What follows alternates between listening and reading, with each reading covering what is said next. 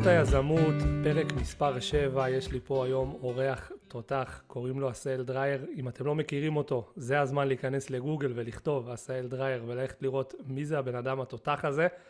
אה, אם אתם מאזינים לנו, יש גם גרסת יוטיוב שאתם יכולים לראות אותנו וככה לחוות את החוויה הרבה יותר בכיף איתי ועם עשאל פה ביחד. אני בישראל, הוא בסיני. אה, ומה שלומך, עשאל? מזל טוב על החתונה, קודם כל.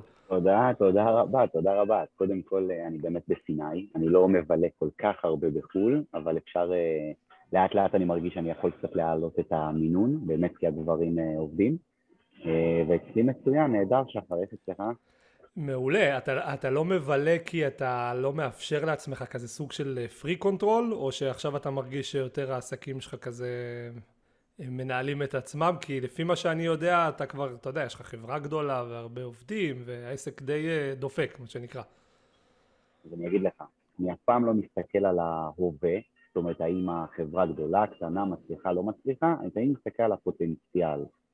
עכשיו, מבחינת פוטנציאל, עדיין יש לאן להגיע, וזה ככה בלשון המעטה. זאת אומרת, מה שאנחנו עושים היום, אני מאמין שאפשר להגדיל בין פי אלף לעשר, לא יודע, מלא, כאילו, זה בכלל... אתה אומר אין גבול. יש גבול, זה כבר אה, לא ש... אין עניין לציבור לעשות יותר מזה, אבל אה, אני חושב שיש עוד הרבה לאן להתפתח, ואני מאוד, יש לי אמונה מאוד מאוד חזקה בטיימינג, זאת אומרת, כל דבר יש לו את הזמן שלו, אה, ולצורך העניין, הזמן הכי טוב לעשות כסף זה עד הילד הראשון.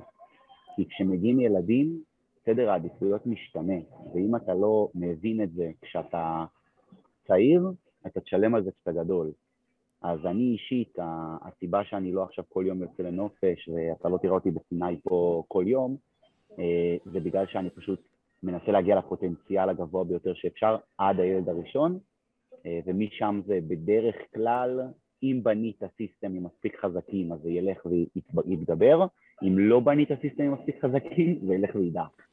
לגמרי, אה, אני, אני מסכים איתך כי אני אבא טרי, יש לי ילד בן, או, בן שלושה או. חודשים, אז אני, אני, אני מבין אותך לגמרי. אמ, ובחודש הראשון אני יכול להגיד לך שאני כמעט ולא עבדתי. אני גם, יכולתי לעבוד עקרונית, למצוא פה שם, אבל נפשית, מנטלית, אתה פשוט מגיע למצבים שאתה מרוקן. אין לך אנרגיות ל- לעשות כלום, בטח שלא להתחיל לפתח עסקים. אז כל מה שעובד אצלי בסיסטמים, למשל החנויות שופיפיי, לא נגעתי בהם בכלל, כלום, אפס, והם המשיכו לדפוק.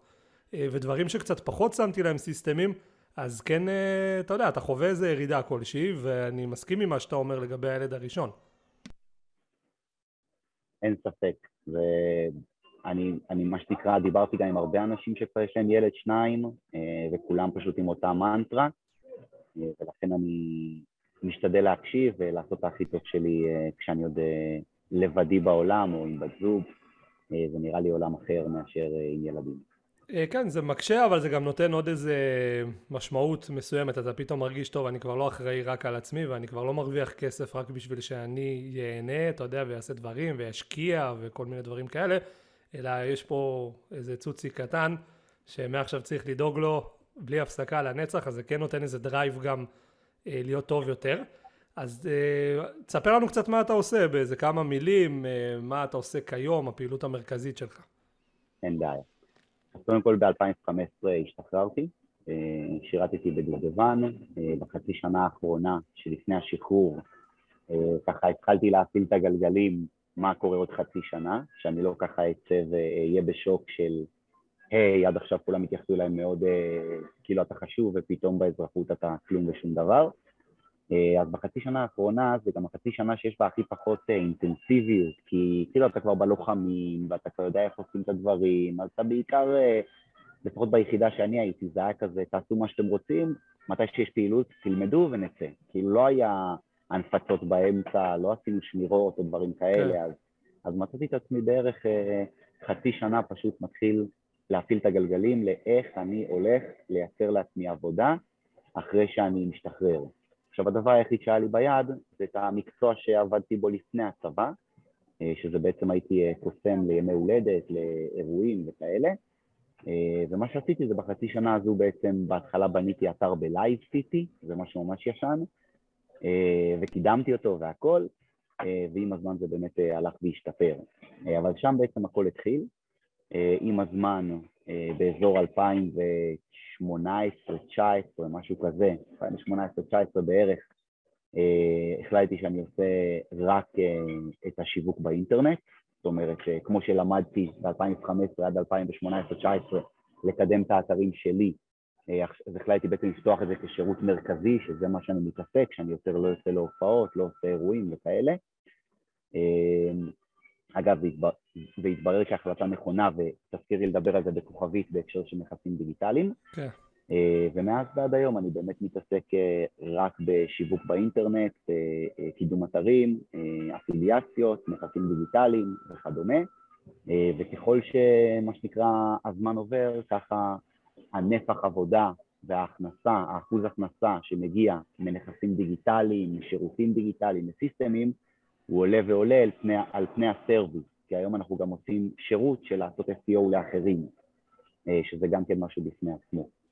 אה, אז ככה זה פחות או יותר אה, הדרך שאני עברתי. כיום אנחנו יושבים בתל אביב, אנחנו משרד של 14 עובדים מתוך החברה, יש לנו עוד 50, נכון להיום 53 עובדים מחוץ למשרד, סך הכל אנחנו קצת יותר מ-60 עובדים, יש לנו חנות אונליין ששינתה בעצם את כל פני השטח, החנות פשוט מאפשרת לכל מי שרוצה להזמין תכנים וקישורים, שוב, system, נכס דיגיטלי לכל דבר ועניין, שמייצר כסף, שיודע לתת שירות ומענה מההתחלה עד הסוף.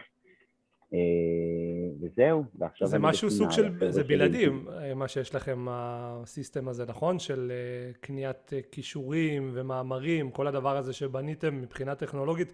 הייתי שמח אם תספר על זה קצת, כי אני יכול להגיד לך שאחד השותפים שלי, אנטולי, שאתה מכיר אותו, מן הסתם מאוד טוב, הוא מה זה מבסוט על זה, הוא כל הזמן, אנחנו רק מדברים על איזה משהו, בוא נלך לקנות כישורים מהסייל, בוא נלך לקנות כישורים, זה נוח, זה ממש נוח. האמת שכן, זאת אומרת, מבחינתי, בסופו של יום, המשאב הכי חשוב של בן אדם, בטח ובטח האנשים שאני רוצה שיעבדו איתי, זה הזמן שלהם. הרבה מהאנשים שאני רוצה לעבוד איתם, כמו שאמרנו בהתחלה, הם כבר הורים, יש להם מחויבויות, יש להם ערך אחר לזמן, זאת אומרת הזמן הוא או שהם יעשו אה, אה, משהו מאוד כיפי, מאוד משמעותי, או שהם יבזבזו את הזמן בלעבוד ולהתעסק מול כל מיני אה, גורמים לא יעילים. אה, וכל המטרה שלי הייתה בעצם לייצר, אה, לעשות סטופ לבזבוז זמן הזה, ופשוט לחשוב איך אני הייתי רוצה לצרוך את התכנים שלי שאני מזמין, או את הכישורים שאני מזמין, בצורה האידיאלית ביותר. כשהסתכלתי נגיד סתם על לאן העולם הולך, קח את גט טקסי למשל, הנה סיפור בלייב, אתה לא תאמין שחר, אתה הולך לעוף לך הראש עכשיו. יאללה, נו, אני אוהב. אני הגעתי לגבול עם שלושה חברים הכי טובים שלי, לעבור לסיני. תאמין או לא, הדרכון שרציתי לעבור בגבול לא היה בתוקף, אוקיי? לא יודע איך, חוסר אחריות, אה, תקרא לזה איך שאתה רוצה. כל החברים שלי פה עוברים את הגבול, אני שם את הדרכון, לא עובר, אין, הבן אדם מסתכל עליי, אומר לי, אח שלי, אתה נשאר בישראל. וואלה. ואני כאילו, אין, אין לך מה לעשות עם הדבר באסה. הזה, אתה תקוע, כן, אתה תקוע בגבול מצרים, ירדת, אתה בדרך של איזה שש שעות כבר, גם הנסיעה, גם המוניות, גם העניינים, ואתה תקוע במאה אחוז.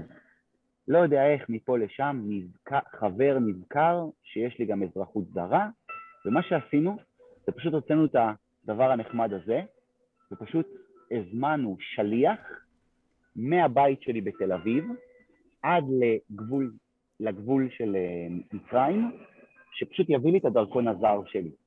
זה עלה 1,600 שקל, והייתי מוכן לשלם על זה גם 16,000 שקל. ברור. כאילו, תחשוב שנייה על הנוחות, אני מוציא את הטלפון, אני עושה משלוח, כאילו זה משלוח רגיל, בתוך 3 שעות ו-45 דקות הבן אדם מביא לי מעטפה עם הדרכון הזר, והצלחתי לעבור לסיני והכל מאחוריי. מטורף. זה טכנולוגיה, זה, זה רמה, אין, לא היה לי מה לעשות אם לא זה. הרבה פעמים אני גם רואה נגיד בפייסבוק אנשים מתלוננים על המחירים של וולט, ואז מלא אנשים מגיבים להם בחזרה יפה ואומרים להם מישהו רוצה לחזור לימים שלפני וולט, שהיינו משלמים פחות אבל לא היה דבר כזה בכלל לקבל את עד הבית חם. אנשים גם מתלוננים על פייסבוק שהם אה, גונבים לך במרכאות את הפרטיות, אבל הם נהנים, נהנים להשתמש, כן, נהנים להשתמש, ויוטיוב, איזה כיף ביוטיוב, נכון, אתה יכול לראות הכל, ללמוד הכל, אבל אתה לא רוצה לשלם, ואז אתה בוכה למה מראים לי פרסומות ולמה פה ולמה שם. אין מה לעשות, רוצים לקבל איכות חיים. אה, צריך לשלם על זה כסף. אם הייתי מראה את זה לסבא וסבתא שלנו, זיכרונה לברכה, אתה יודע, הדורות של פעם, את הדברים האלה, הם היו נגנבים. הם, הם לא היו מאמינים שדבר כזה בכלל אפשרי, ואנחנו לוקחים את הכל אה, כמובן מאליו. ואתה בעצם אמרת איך אני לוקח את כל הסיסטמציה הזאת ואת הקלות של בן אדם רוצה לבצע X, איך הוא עושה את זה במינימום זמן ומאמץ, ופשוט נכנס, מזמין מה שהוא רוצה, כמו, כמו חנות, אתה יודע, רשימת קניות, לוקח קצת מזה, קצת מזה, ומשלם ומקבל את הכל. אני חושב שאמרת משהו מאוד יפה עם הסבא וסבתא. הרי גם אנחנו נהיה סבא וסבתא, ויגיעו ילדים קטנים, ויהיה להם טכנולוגיות פי 500 מאיתנו, אנחנו כאילו נראה להם כמו, כמו שהיום אנחנו מסתכלים על, היום אני מסתכל על בית אבות, כנראה שאנשים שם בקושי יודעים לכל, להשתמש בדברים הכי בסיסיים שאנחנו כאילו, ילד בן שמונה היום יודע לעשות יותר טוב מהם, זה בדיוק מה שיהיה. עכשיו, כל הרעיון מבחינתי זה לא לחכות שאני אהיה סבא וייצאו דברים חדשים. כל הרעיון זה שאני ילד, לחשוב מה הדברים שאנשים הולכים להמציא ולהיות זה שממציא אותם. לחשוב מה חסר. אוקיי, מוניות כבר פתרו את הסיפור, משלוחים פתרו את הסיפור, משלוחי אוכל פתרו את הסיפור, ועוד ועוד ועוד. מה לא פתרו? מה הדברים שעדיין צריכים פתרון ומענה וטכנולוגיה? ובדיוק שם אני מנסה להכניס את עצמי למשבצת, וכשראיתי שאני בתור חברה, וזה היה עוד אה, לפני, אה, לפני כמה שנים, אבל כשאני בתור חברה אז הוצאנו בערך אה, בין 100 ל-150 אלף שקל בחודש על כתיבת תכנים, זאת אומרת היינו משלמים לכותבים שיכתבו בין 100 ל-150 אלף שקל בחודש, וקלטתי שזה לא מסתכם ב-100 אלף שקל בחודש, זה מסתכם בעשרות או מאות שעות של התעסקות מול הכותבים והתעסקות מול למה זה ככה ולא אפיינתי וכן אפיינתי וכל פעם היינו עושים, בהתחלה עשינו אפיון באיזה אלמנטור פורום כזה, בטופס, ב... זה פשוט לא עבד טוב, הרגשתי שאני לא באמת מקבל מענה, אני שם הרבה כסף ואני פשוט מקבל חזרה דברים שהיו, שהיו יכולים לספק לי גם לפני 20 שנה, זה לא הגיוני. לגמרי. אז בהתחלה הקמנו את המערכת לשימוש עצמי. זאת אומרת, אנחנו הקמנו אותה כדי שאנחנו נוכל בעצם לתקשר עם כותבי התוכן שלנו בצורה הרבה יותר יעילה, שהכל יהיה דרך המערכת, שלא יהיה איחורים, שהכל יהיה חלק. והאמת, בינינו, פייר, לא חשבתי שזה יצליח כמו שזה הצליח. למה כאילו, לא? אני, למה אני, חשבת למה שזה לא? פחות הצליח?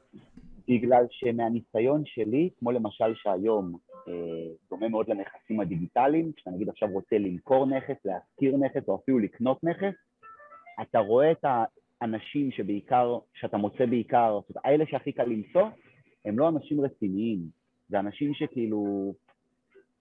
נכון, אבל. אתה נוגע פה בקהל, היה לי פרק על זה עם שריאל מזוז פה בפודקאסט, ודיברנו המון על קהל מתקדם. שאתה כבעל עסק רוצה לעבוד עם קהל שהוא יותר מתקדם, כי גם הוא יהיה מוכן לשלם לך יותר, וגם הוא יבזבז לך פחות זמן, שמי שמבזבז לך זמן זה עולה לך כסף, וזאת הוצאה שהרבה עסקים בכלל לא מסתכלים עליה בתפעול, הרבה עסקים מסתכלים כמה כסף אני מוציא, כמה אני מכניס, והם מתעלמים מתפעול, כי אתה לא יכול תמיד אה, לתמחר אה, מיילים, אתה יודע, שיש לך עכשיו עם לקוח, אבל זה עולה הרבה כסף.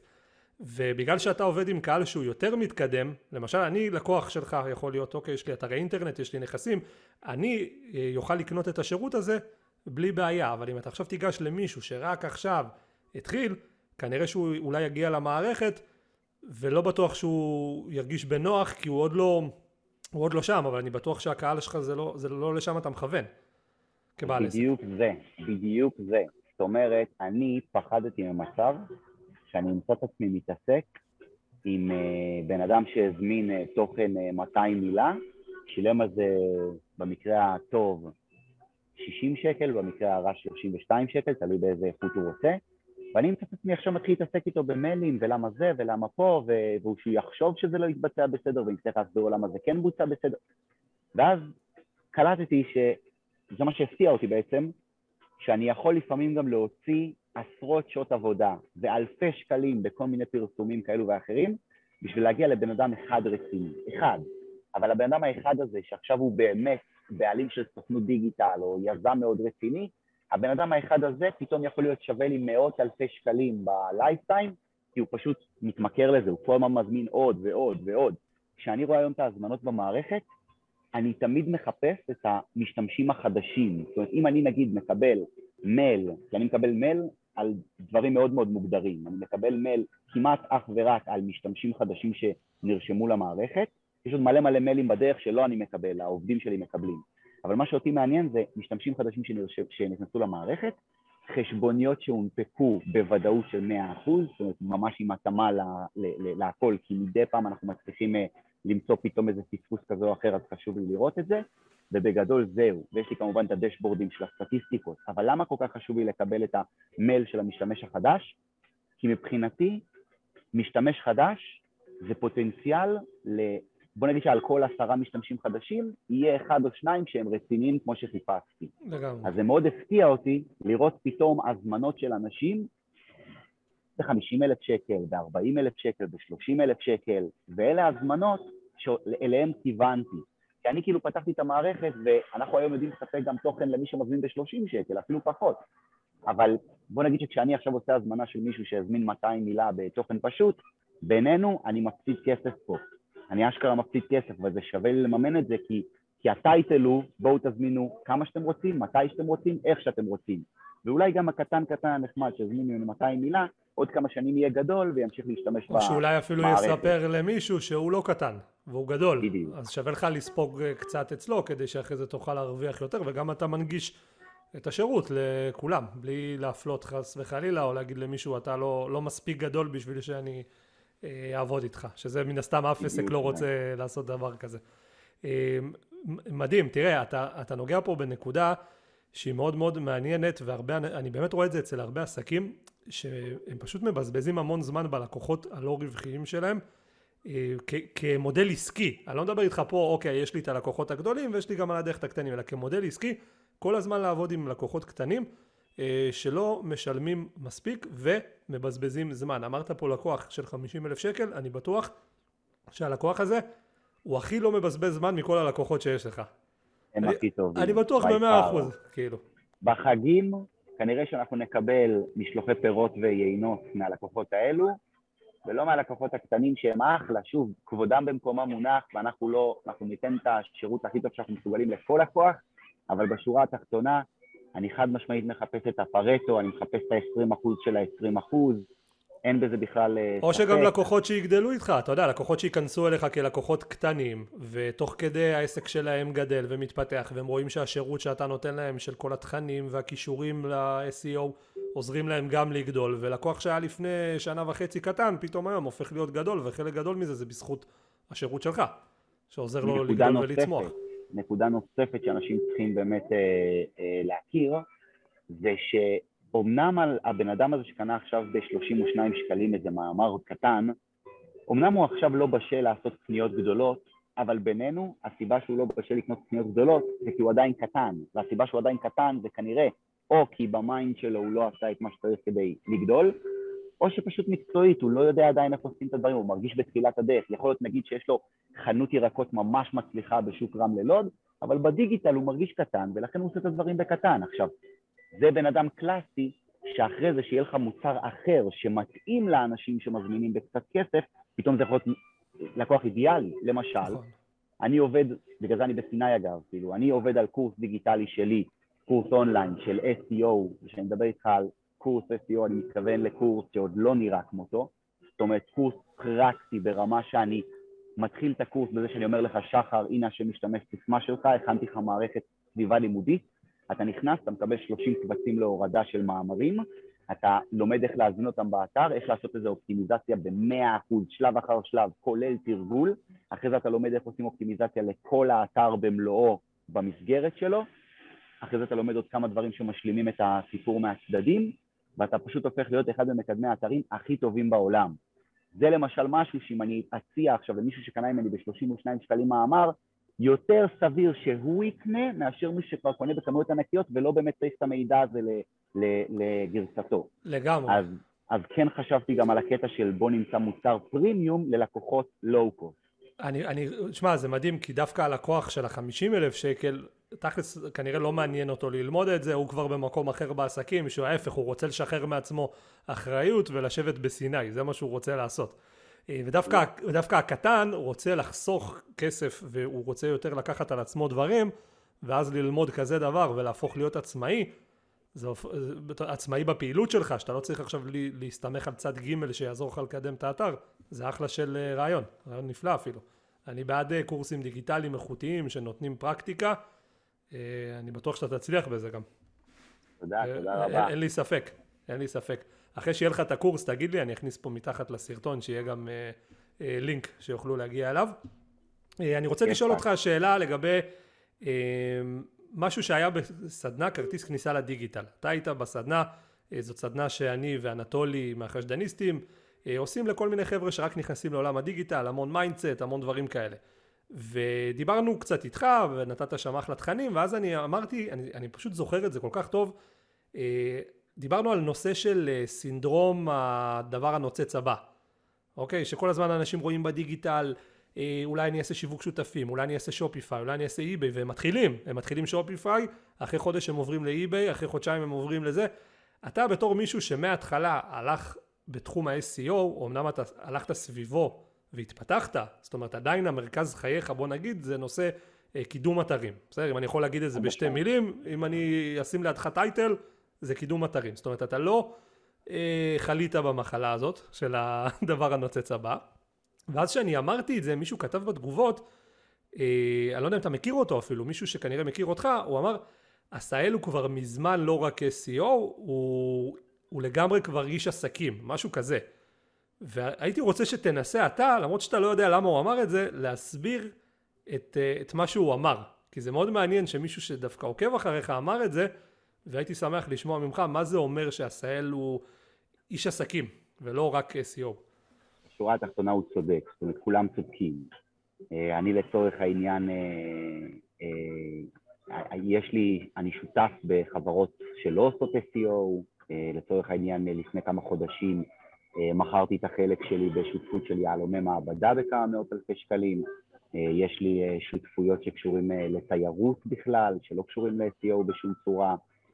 יש, זאת יש לי עוד הרבה הרבה דברים שאני עושה שלא קשורים ל-SEO. אני חושב שמי שאמר את זה, יותר אמר את זה כי הוא, כי הוא מקבל איזושהי השראה מסוימת, ומבחינתו, גם אם זה רק SEO, אבל זה לא, זה לא חוכמה לדעת SEO אם אתה לא יודע לשלב את זה יחד עם עם עולם אה, של, אה, של, של יחסי אנוש ושל עסקים ושל חיבורים נכונים, כי בסוף זה הכל אנשים. אין באמת, זה לא משנה אם תעשה SEO, אה, PPC או כל דבר אחר, בסוף זה תלוי באנושיות שלך. כשאנשים, אני לצורך העניין סתם אתן לך דוגמה, נראה אם הוא עוד פה, כן הוא עוד פה, תסתכל, אני אעשה את המצלמה שנייה, מקווה שהוא לא ישים לב. הנה, אתה רואה את הבחור עם החולצה, זה שרואים הכי קרוב, יש בחורה כן. ומאחריה גבר, בחור, כן. נכון? יפה. זה נגיד מישהו, שאני הגעתי פה לבית קפה הנחמד והתיישבתי. עכשיו אני אתן לך דוגמה לדברים שאני עושה על בסיס קבוע. היה לי פה אדפטור, אה, זה כאילו כזה מחליף שקע משני פינים לשלושה פינים, אוקיי? עכשיו, יש לי אדפטור תקין לחלוטין בתיק, אבל כשאני רואה אנשים אחרים שגם כן יושבים עם לפטופ ועובדים, אני חייב לייצר איתם איזושהי אינטראקציה, כי הדברים הכי טובים שקרו לי קרו דרך אנשים, ולא דרכי, זאת לא באופן, לא כי אני יודע לעשות SEO, אלא כי, כי, כי שילבתי את זה עם עולם אחר. כן. אז באתי ופשוט אמרתי לו משהו בסגנון של, אחי, יש לך פה אה, אדפטור, כאילו בשבילי, הוא בדק, חיפש וזה, ואז הוא ראה שאין לו, הוא אמר לי, I'm so sorry, משהו כזה, ואז אמרתי לו, אוקיי, okay, I, will keep uh, looking, ואז אחרי זה שלפתי את האדפטור שלי, ואז פתאום באתי ואמרתי לו, by the way, what you do in your life, ואז הוא אמר לי, I'm graphic designer.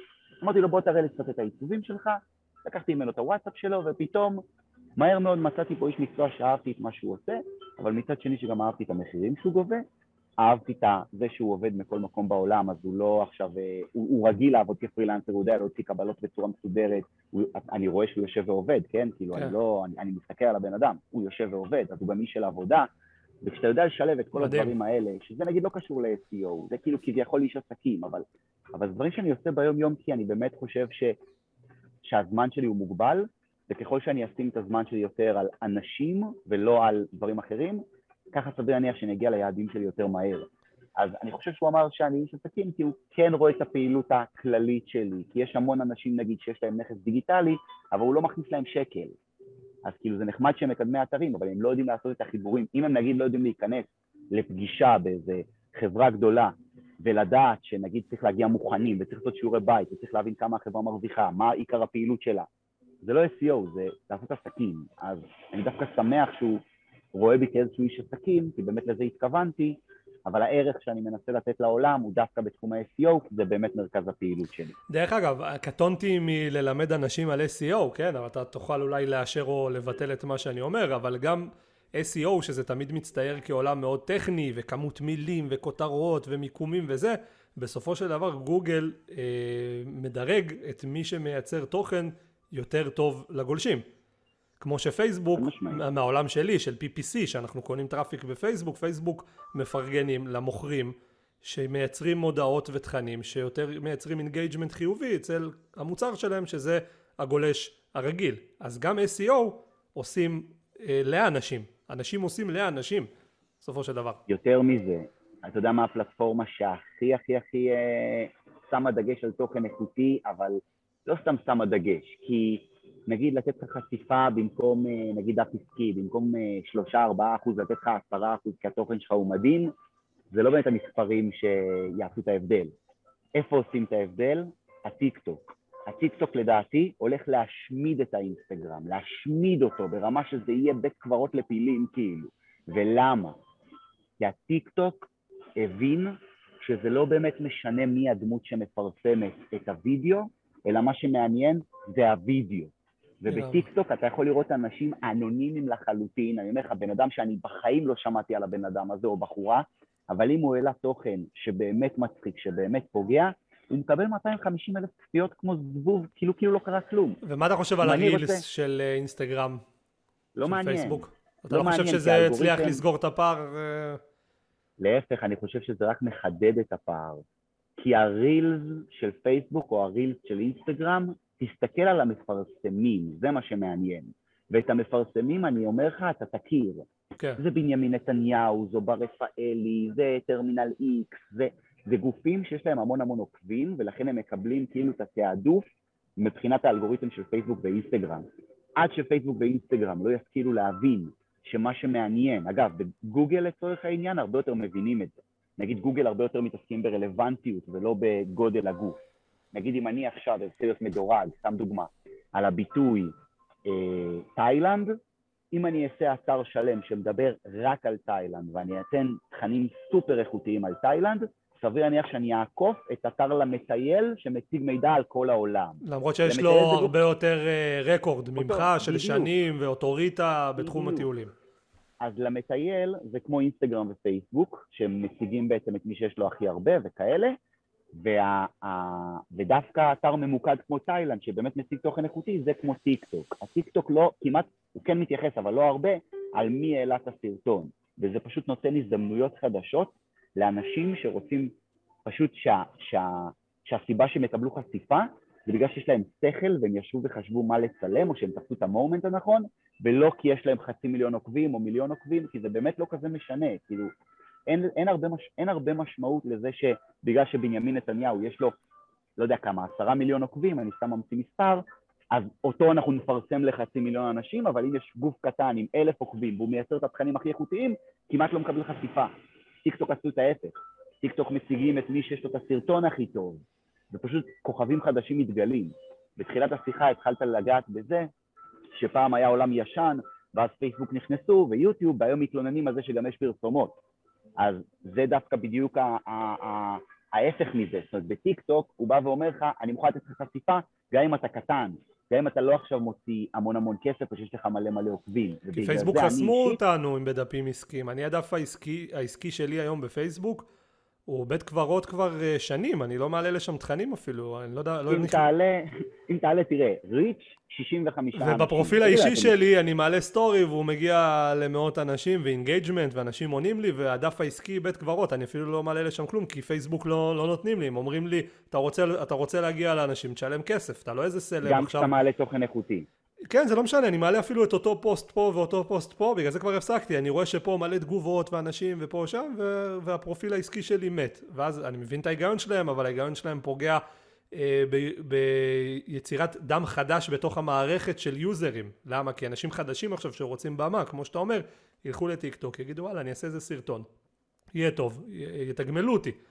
לא יהיה טוב, לא יתגמלו אותי, פה לא משנה מה אני אעשה, לא יתגמלו אותי, אם אין לי דף עסקי של איזה מאה אלף איש ואני לא איזה סלב, הדף שלי לא מגיע לשום אה, חשיפה.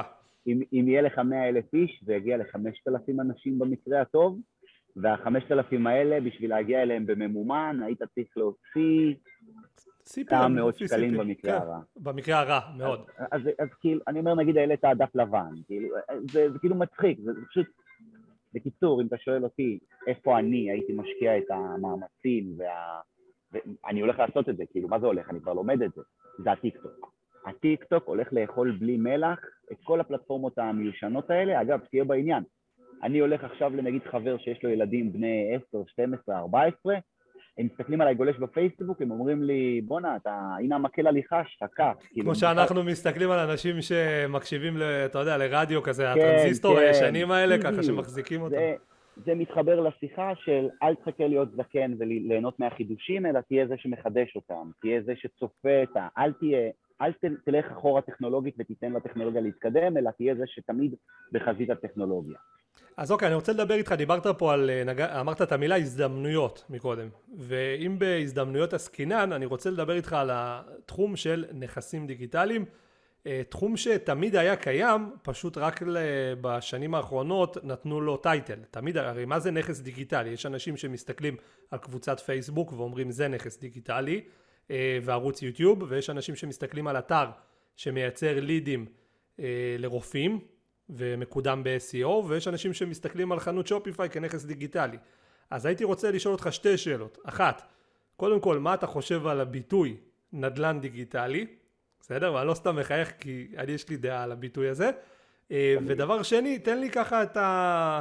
את ה-say שלך על עולם הנכסים הדיגיטליים, מה אתה מגדיר כנכס דיגיטלי, לאן אתה רואה את העולם הזה הולך, אה, ממה אנשים צריכים אה, להיזהר או לשים לב שמפתים אותם להיכנס לכל מיני השקעות קלות כביכול, אשמח לשמוע ממך על הנושא הזה. קודם אני חושב שהמילה, הביטוי נדל"ן דיגיטלי, הוא לא שונה מ... הוא פשוט תרמית, זה לא, זה לא הביטוי הנכון, כאילו, זה כאילו לקחת את עולם הנדל"ן הפיזי, להישען על התדמית הטובה שלו ולהגיד בואו תעשו את זה דיגיטלית, כאילו זה אותו דבר. אז זה לא אותו דבר, בכלל לא אותו דבר. זה ממש כמו שאני אגיד אה, אה, השקעות, אה, לא יודע, השקעות... השקעות לא, לא, זה כמו שתגיד נדל"ן מנייתי. אתה יודע, או משהו, זה קשקוש כזה, כן. נדל"ן מניות, או, או, או כאילו מה קשור? משהו שנשמע טוב, אבל אין הרבה קשר, ואני אסביר למה אין הרבה קשר.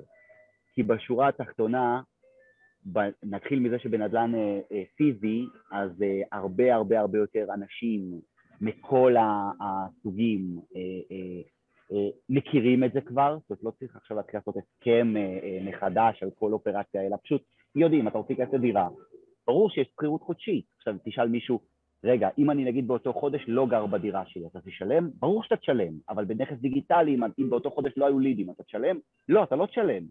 אז יש פה הרבה מוסכמות שלא באמת נכנסו ל- ללקסיקון, ואי אפשר באמת לקרוא לזה נדל"ן דיגיטלי. יותר מזה, הנדל"ן הדיגיטלי הוא לא באמת, אה, אה, לא באמת קשה לייצר את הנדל"ן הזה כמו שקשה לעשות לו מוניטיזציה. זאת המוניטיזציה זה החלק היותר קשה, בטח למי שטיפה מבין. תסביר מה זה מוניטיזציה במשפט למי שלא מבין. מוניטיזציה זה להרוויח כסף מהנכס הדיגיטלי שלך. לעומת זאת, אם יש לך נדל"ן פיזי, הדבר הכי קל זה המוניטיזציה. כי מה זאת אומרת, יש לי דירה עכשיו במרכז ירושלים, מרכז תל אביב, מרכז אה, רמלה אפילו, לא משנה איפה. אני מעלה מודעה ביד שתיים, אני שם 200 שקל מתחת לממוצע, ויש לי מחר בבוקר בן אדם שנכנס, או עוד חודש, או עוד שבוע, בסדר? כן. לי יש נכסים דיגיטליים שעומדים ריקים כבר שנתיים. זאת אומרת, אי אפשר באמת להשוות בין שני הדברים האלו, זה פשוט לא זה. ומה שמתחבר לזה, זה באמת שהחלק הכי קשה בנדל"ן דיגיטלי, ש, כמו שאנחנו קוראים לזה, למרות שזה לא הדבר הכי אה, משקף, זה החלק של להרוויח ממנו כסף. ובגלל זה, האסטרטגיה שלי כיום כיזם של שעושה שיווק דיגיטלי, אני לא רוצה להגיד אה, נדל"ן דיגיטלי כי זה שטויות. לא, נקרא לזה נכסים דיגיטליים, אתה יודע, זה השם של זה, נכס דיגיטלי. כשאני עושה נכסים דיגיטליים, אני מאוד מאוד אשתדל לחזק את החזקים ולא להתחיל חלשים.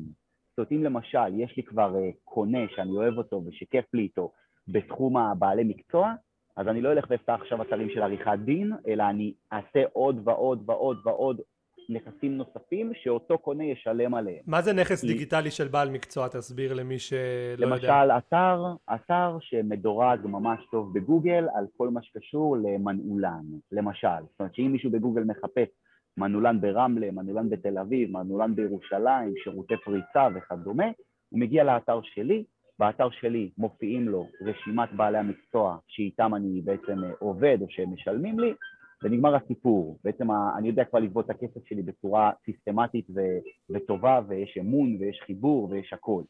אז יותר, בגלל שיותר קשה לייצר את החיבור העסקי ולהרוויח כסף מהנכסים מאשר לייצר את הנכסים, אני, כל חיבור טוב שיצרתי עם מישהו, אני אנסה לשאול אותו, אוקיי, יוני, מה עוד אתה עושה? אתה רוצה שתקבל גם לידים של אה, אינסטלציה, אתה רוצה לידים של בנייה קלה, אתה רוצה לידים של תיקון 190, אתה רוצה...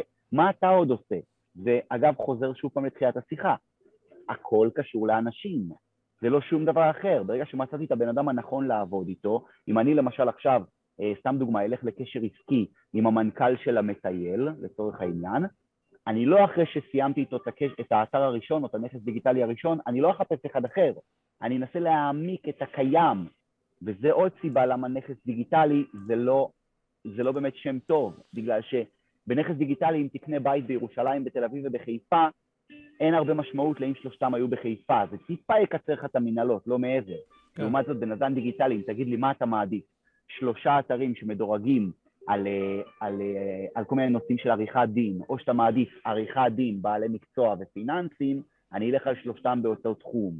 כי מספיק שמצאתי אחד שישלם, ונגמר הסיפור, יש לי להזרים לו... זאת אומרת, אתה אומר, אתה, אתה עובד לא בדיוק הפוך, אבל כן הפוך. זאת אומרת, אתה במקום לייצר נכסים ואז לחפש איך לאכלס אותם, אם נשווה את זה לעולם הנדל"ן, אז זאת אומרת לבנות אה, דירה ופה בית פרטי ושם איזה דו ופה פנטהאוז ואז לחפש מי יגור, אתה קודם כל בונה בית, רואה מי נכנס לגור שם ואז אתה אומר לו, תגיד לי, אתה צריך גם משרד אולי, אתה צריך אולי מחסן, וואו. אתה צריך אולי זה, ואז אתה בעצם ככה מתרחב.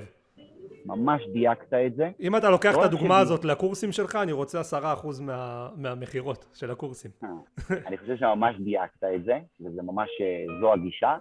ויותר מזה, הנה, אני אתן לך דוגמה בלייב. היום אני העברתי למתכנת שלי, לצוות, אה, אה, ל-CTO בקיצור, אה, בקשה חדשה שחשבתי עליה פה בסיני אתמול בלילה, חשבתי על זה, אמרתי לעצמי, רגע, יש לי כבר קהל לא קטן בלשון המעטה, שצורך ממני תכנים וכישורים. כשבן אדם מזמין תכנים ממני, בדרך כלל זה לא כי הוא רוצה לפרסם אותם בעיתון, זה כי הוא רוצה, רוצה לפרסם אותם באתר שלו ולקדם את זה בגוגל. ואז אני אומר לעצמי, רגע, מה עוד יכול להיות צריך? שאלות ותשובות. הרי כולם רוצים לשים סכמה של שאלות ותשובות בתוך המאמר. אז נכון. עכשיו אנחנו מפתחים לצורך העניין שבן אדם יוכל, לפני שהוא מסיים את ההזמנה, לעשות צ'ק כזה של וי, שהוא רוצה שגם נכתוב לו ארבע שאלות וארבע תשובות, לפי עוד 200 מילה. זאת אומרת, מוסיף לו עוד 32 או 60 שקלים על כל מאמר שהוא מדהים. מדהים. ואז על אותו קהל שכבר קונה ממני, אני מגדיל. בעולם שלנו, של האי-קומרס, אנחנו קוראים לזה קרוס-סל או אורדר באמפ בעצם. אתה נותן לו אורדר באמפ כן. שמקפיץ לו את העגלה, אבל כמובן נותן לו ערך. זה לא סתם בוא נחשוב איך אני מרוויח יותר כסף מהלקוח, זה בוא נחשוב איך אני משרת את הלקוח בצורה טובה יותר, עוזר לו להשיג את המטרות שלו בצורה יותר טובה, ועל ידי כך אני גם ארוויח יותר כסף, זה, זה הנגזרת בעצם. אני כצרכן מת על קרוסלים, מת על זה, ואני יכול להגיד לך שאני נגיד מזמין הרבה ספרים. נראה לי שההזמנות של פלז'ר שאני כאילו מזמין דברים מהאינטרנט זה בעיקר ספרים, ותמיד כשאני נכנס, נגיד סתם דוגמה, לאחרונה, לפני משהו כמו כמה חודשים, הזמנתי ספר, האמת שלא הזמנתי אותו, בהתחלה קניתי אותו בסטימצקי, נקרא מוקף באידיוטים. אה, יש לי אותו. ואז הוא היה כל כך, והוא היה כל כך טוב. אני באמצע שלו. וואו, אחי, ספר היסטרי. הוא היה כל כך טוב וכל כך חזק, שהלכתי לאינטרנט ואמרתי, טוב, אני אקנה עשרה, עשרה עותקים, שיהיה לי במשרד. אני תמיד אוהב שיש לי במשרד דברים שאני יכול לתת למישהו שהגיע. בן אדם בא, הייתה לי פגישה טובה איתו, יש לי כזה הקדשות מוכנות והכל, ואז אני אומר לו, אחי, היה לי כל כך כיף איתך, אני חייב לתת לך איזה משהו קטן, תקרא, תודה. ואז תמיד יש לי מאגר של ספרים טובים, אבל כאלה שאהבתי. ואז כשבאתי כן. להזמין עשרה, תקשיב טוב, וזה מטורף לי. הזמנתי עשרה, הוא אמר לי, אם תזמין 40, יהיה לך 50 אחוז הנחה על כל העסקה. וראיתי שזה יוצא לי רק פי שתיים, כאילו זה יעלה לי במחיר כן. של 20. אז הזמנתי 40. להגיד לך שאני אסיים את ה-40 האלה בשנה הקרובה? לא בטוח. אבל אני מאוד מעריך מערכות שעובדות טוב ושיש מאחוריהן המון שכל.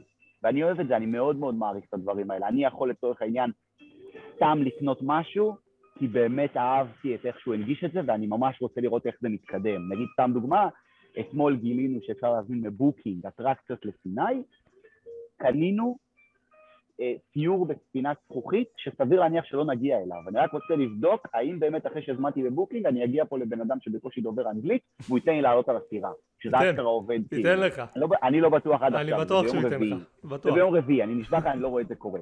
כאילו, אנשים פה כל כך מנותקים, לא יודעים אנגלית, לא יודעים כלום, פתאום הוא יגיד לי, אה, בטח, אתה הזמנת אונליין, בוא קנה. כאילו... חיכינו לך, לי... כבודו, חיכינו לך. כן, ממש. אני רוצה לראות את הקסם הזה קורה. לגמרי, אז תראה, אני רוצה לחזור איתך לנושא הנכסים הדיגיטליים. אה, דיברנו על אתרי תוכן. אה, האם אתה רואה דברים שקשורים לרשתות חברתיות כנכסים דיגיטליים? למשל, ערוץ יוטיוב אה, שיש לו מוניטיזציה, או שמייצר לידים, קבוצת פייסבוק, לא יודע, עמוד אינסטגרם, זה מבחינתך נכס דיגיטלי? אני אישית, שוב, בגלל שהעולם שלי התחיל, והיום זה המרכז שלו, ב-SEO, אני לצורך העניין לא אקנה סתם קבוצת פייסבוק שיש לה איזשהו אה, ייעוד כזה או אחר. לעומת זאת, אם אני, יש לי, אני לצורך העניין יש לי אתר שמדבר על כל עולם הרכב, אוקיי?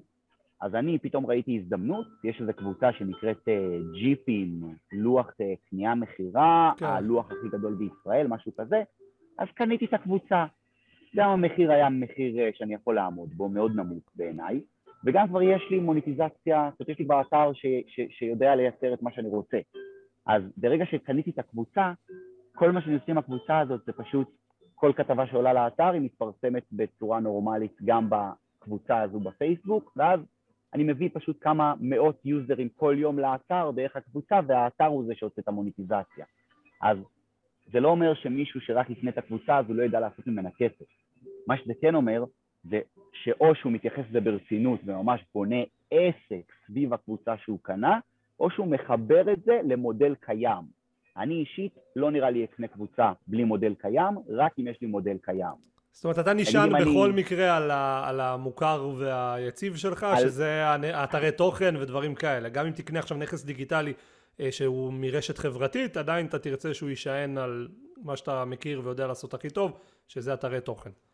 מדויק, וזה לא בטוח נכון למישהו אחר שמומחה באינסטגרם, או שיש לו כבר ערוץ יוטיוב ממש שווה, שמדבר נגיד על חופשות, ופתאום יש לו איזה קבוצת פייסבוק שהוא יכול לקנות בנושא של חופשות, אז הוא עכשיו ינסה שהקבוצת פייסבוק תתמוך במוניטיזציה של הערוץ יוטיוב.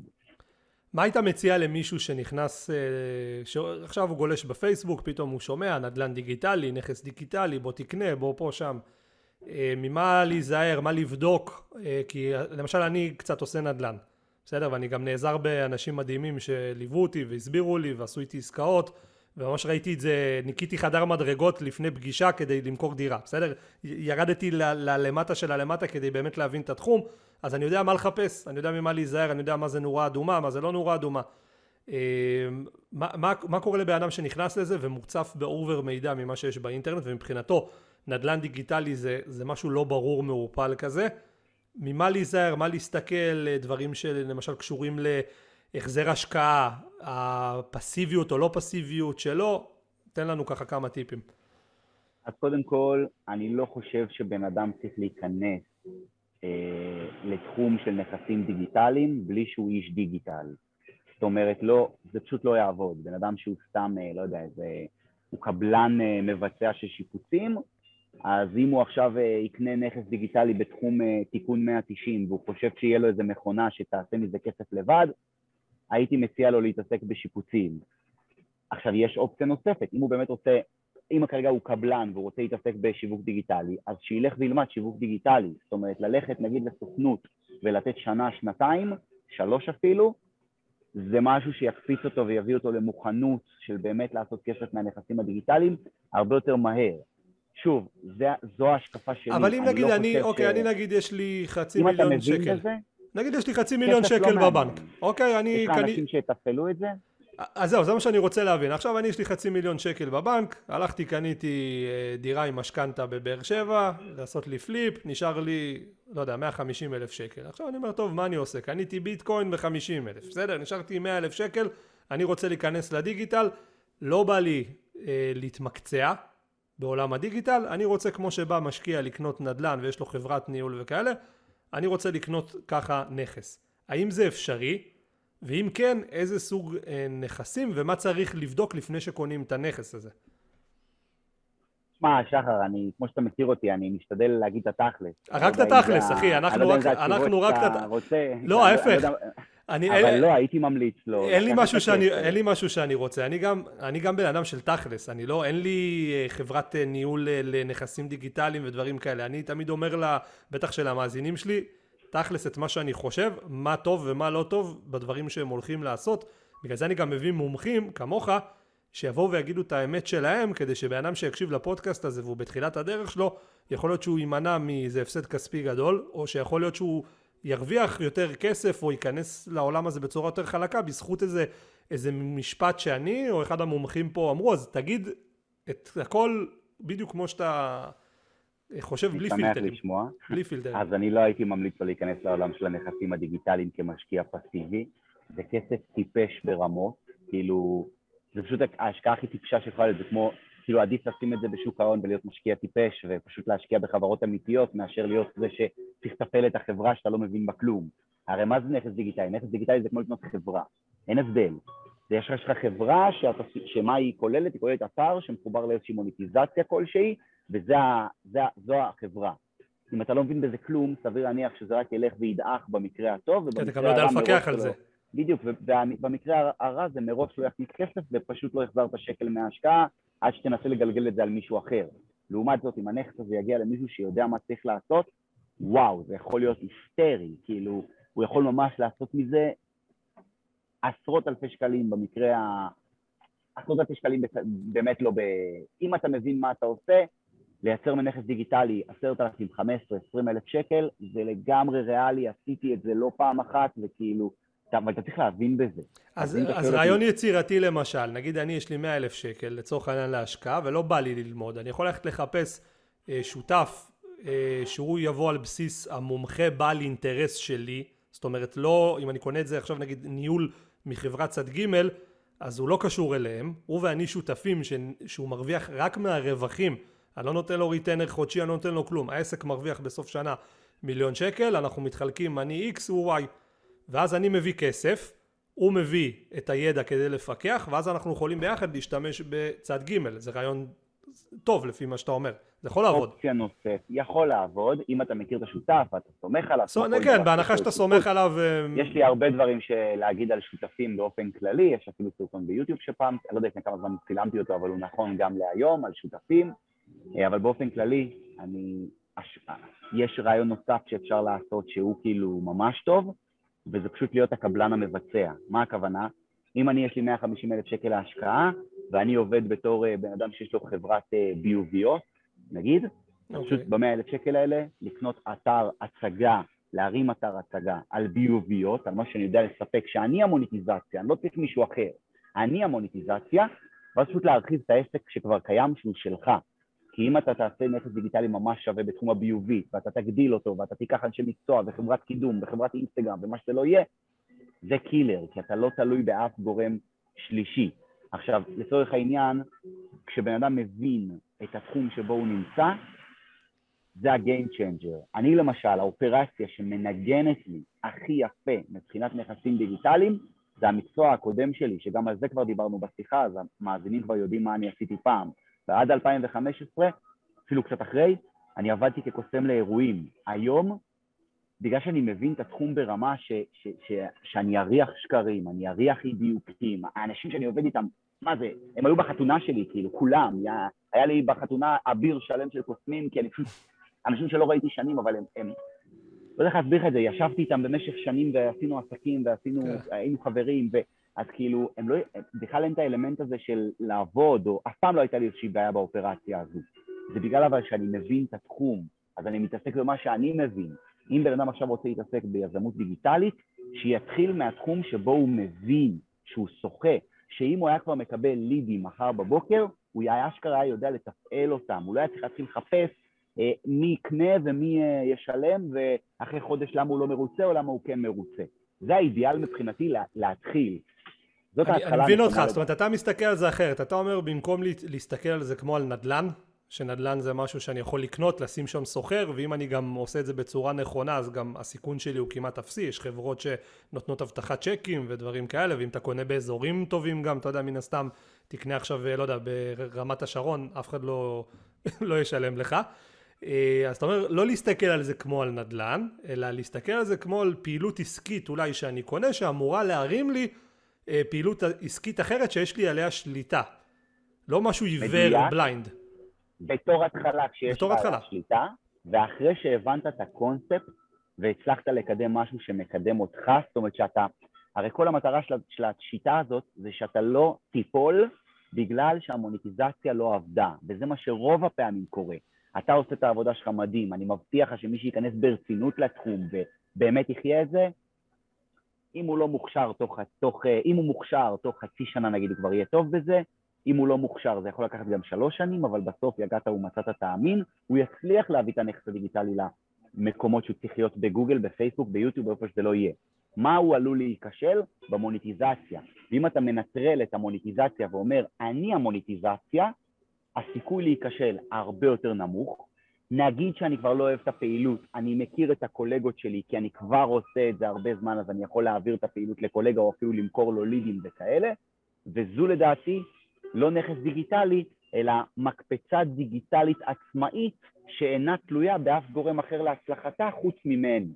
וברגע שהכל מרוכז סביב הבן אדם, כי נגיד, אני באמת לוקח את הדברים הכי מפגרים, משלוחי פרחים, בסדר? לא יודע. אם אני, יש לי חנות פרחים, ואני רוצה להתעסק בנדל"ן דיגיטלי, לא הגיוני שאני אתחיל מאתר של הובלות. זה לא הגיוני. קודם נכון. כל, תצליח בלייצר אתר של פרחים, אתה תהיה זה שמבצע את המוניטיזציה, ואחר כך, אם תרצה להתקדם, אז הסיבה שזה כאילו לא יצליח היא רק בגלל המוניטיזציה שלא הצליחה, ולא בגלל שאתה לא הצלחת לייצר את הנכס של עצמך.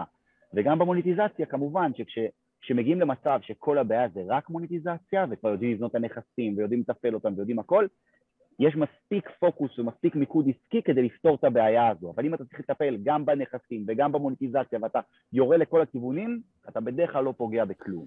אני אשאל אותך שאלה מעניינת. אתה אמרת פה, קודם כל הזווית שאתה מסתכל היא זווית מאוד מעניינת שאני מאוד מתחבר אליה גם. אני שקלתי לקנות פעם אה, איזה ערוץ יוטיוב והתחלתי לפרק את המספרים ואני בא מעולם הדיגיטל אוקיי אז אני כאילו מחשיב את עצמי כמישהו שמבין ולא עכשיו איזה לקוח אה, בלי ניסיון שבא לקנות נכס כלשהו והתחלתי לפרק את המספרים, לא הסתדר לי איך אני מתפעל את זה ברווחיות, אבל גם שאלתי את עצמי, אמרתי, מה אני עושה עם הערוץ הזה, חוץ מלקבל כסף מיוטיוב? זאת אומרת, אין לי שום דרך להרוויח ממנו כסף אה, בשליטה שלי. זה אומר שאם מחר יוטיוב מחליטים שלא יודע, סתם, היום הם נותנים, אה, אני לא יודע כמה זה עובד ביוטיוב, 100 שקל לאלף צפיות, סתם אני ממציא מספרים, הם נותנים לי כבעל ערוץ, מחר יוטיוב מחליטים 40 שקל לאלף צפיות. אין לי שליטה. אין לי שליטה, זה לא כמו נדל"ן אמיתי, שאתה יודע, שכירויות זה לא משהו שיורד, אתה לא תראה שכירות של 6,000 שקל באיזה אזור מסוים, ופתאום יומיים אחרי זה יורדת ל-3,000. לא יקרה, לא קרה ולא יקרה בחיים, זה, זה, זה מאוד יציב. כל עוד זה... לא נפלה פה פצצת אטום, לא. כן, ודווקא אולי אז אם תיפול פצצת אטום יהיה מחסור בדיור, ואז דווקא המחירי דיור יעלו במדינה שלנו. יהיה גם מחסור באנשים. יהיה גם מחסור באנשים, אז זה, זה יתאזן. אבל הרגשתי שאין לי שליטה, אמרתי, רגע, אם, אם קורה משהו כזה מחר. השאלה, איך אתה מסתכל על מוניטיזציה מבחינת כמה אחוז אני שם את uh, מבטחי במודעות שיהיו לי באתר או דברים כאלה, וכמה לייצר לידים ולדעת למכור אותם בשליטה עצמאית שלי. אז בגדול, אני מאוד מאוד תמיד, תמיד אני אשתדל לבנות על גוף גדול ויציב ככל האפשר. נגיד, סתם לצורך העניין, יוטיוב אומנם נשמע שהם באמת יכולים לעשות הרבה בעיות, ויכולים להפסיק לך את המוניטיזציה, ויכולים... אבל ברגע שתנסה לעבוד עם גוף קטן, אתה תבין שיוטיוב זה יציב. זאת אומרת, ברגע שתנסה להזכיר את האתר הזה לדוד מזגנים, אתה פשוט, או את הערוץ הזה למישהו שקשור בתחום, אתה תגלה ש... שככל שהגוף יותר גדול ככה זה יותר טוב. ודבר נוסף, שקל שמגיע ממוניטיזציה של יוטיוב שווה לפחות, במקרה הרע, עשרה שקלים שמגיעים מדוד מזגנים. כי ביוטיוב אין גורם אנושי. אם תשאל אותי, עשאל, במה אתה מתמקד בעשייה הנוכחית שלך? אני מתמקד בדבר אחד, הפוקוס שלי הוא אחד, איפה אני יכול למכור מוצרים בלי שירות לקוחות, בלי לתת דין וחשבון לאף אחד, בלי להתחנן לקבל כסף ובלי שום גורם אנושי שיציק לי. כי אם כל הסיפור היה רק המקצועיות שלי, ואני עושה את זה, אין לי בעיה, אני, אני מוכן להתחרות, להיכנס למשחק הזה בשתי ידיים. אבל אם אני עכשיו תלוי בכל מיני גורמים קטנים, דוד מזגנים, יוסי צעצועים, אה, כל מיני כאלה, זה הרבה פחות טוב מיוטיוב. אז אני... למרות שהם ישלמו לך יותר פר uh, traffic. בוודאות, זאת אומרת, פר ה traffic שנכנס, הם ישלמו לך יותר מיוטיוב נגיד, או, או גוגל. אבל כל שלושה חודשים הוא יתחלף לי, או כל חצי שנה הוא יבכה לי, או כל שבוע במקרה הרע הוא גם יתקשר אליי, או... פשוט לא שווה את זה. אני היום מחפש כמה שיותר הזדמנויות שאין גורם אנושי מפריע בדרך. אני שונא לתת דין וחשבון לכל מיני אה, אה, מזכירים כאלו ואחרים. כאילו זה איזשהו חוסר של תפיסת הקונספט. הרי אני, מה עושה היזם הראשון, היזם המתחיל? הוא בעצם לוקח אתרי לקוחות ומקדם אותם. נשאלת השאלה הכי obvious, אם אתה מקדם אתרי לקוחות, למה? תקדם אתרים שלך, אתה כזה תותח, אתה כזה אלוף, תקדם את שלך ותמכור ללקוח איך במודל כזה או אחר. ואז התשובה היא שהוא לא מרגיש מספיק מקצועי בעצמו, ולכן הוא עושה את זה עבור הלקוח. הלקוח בכל מקרה ישלם לו את הכסף, בין אם זה יצליח ובין אם זה לא יצליח. עכשיו, זה הכסף הכי בטוח, אבל הוא גורר הכי הרבה כאבי ראש. כי הלקוח רוצה לקבל דוח חודשי, כי הלקוח רוצה להתקשר פעם ביום, פעם ביומיים, פעם בשבוע, תלוי בלקוח. כי הלקוח צריך כל מיני בקשות מיוחדות, כי הלקוח חושב שאתה גם מטפל בפייסבוק שלו, אז בוא תפניע לי פיקסלים ובוא תעשה לי... יש אופרציה מאוד, מאוד גדולה ובעיות עם המודל הזה, למרות שהכסף הכי בטוח. אחרי זה יש את הנכסים הדיגיטליים שתלויים בבן אד... בגורם קטן. נגיד אני עכשיו הולך, מרים אתר של אה, עורך דין אה, מקרקעין, ואני סוגר עם איזה עורך דין שכל ליד אני מקבל 100 שקלים. הבעיה הכי גדולה זה, אני מצפה בתור בן אדם שעכשיו יצר את הנכס והשקיע את כל הכסף שלו, והעורך דין רק מקבל לידים, זה שאני אקבל כסף על הלידים ולא אשמע מהלקוח. אבל מה בפועל קורה?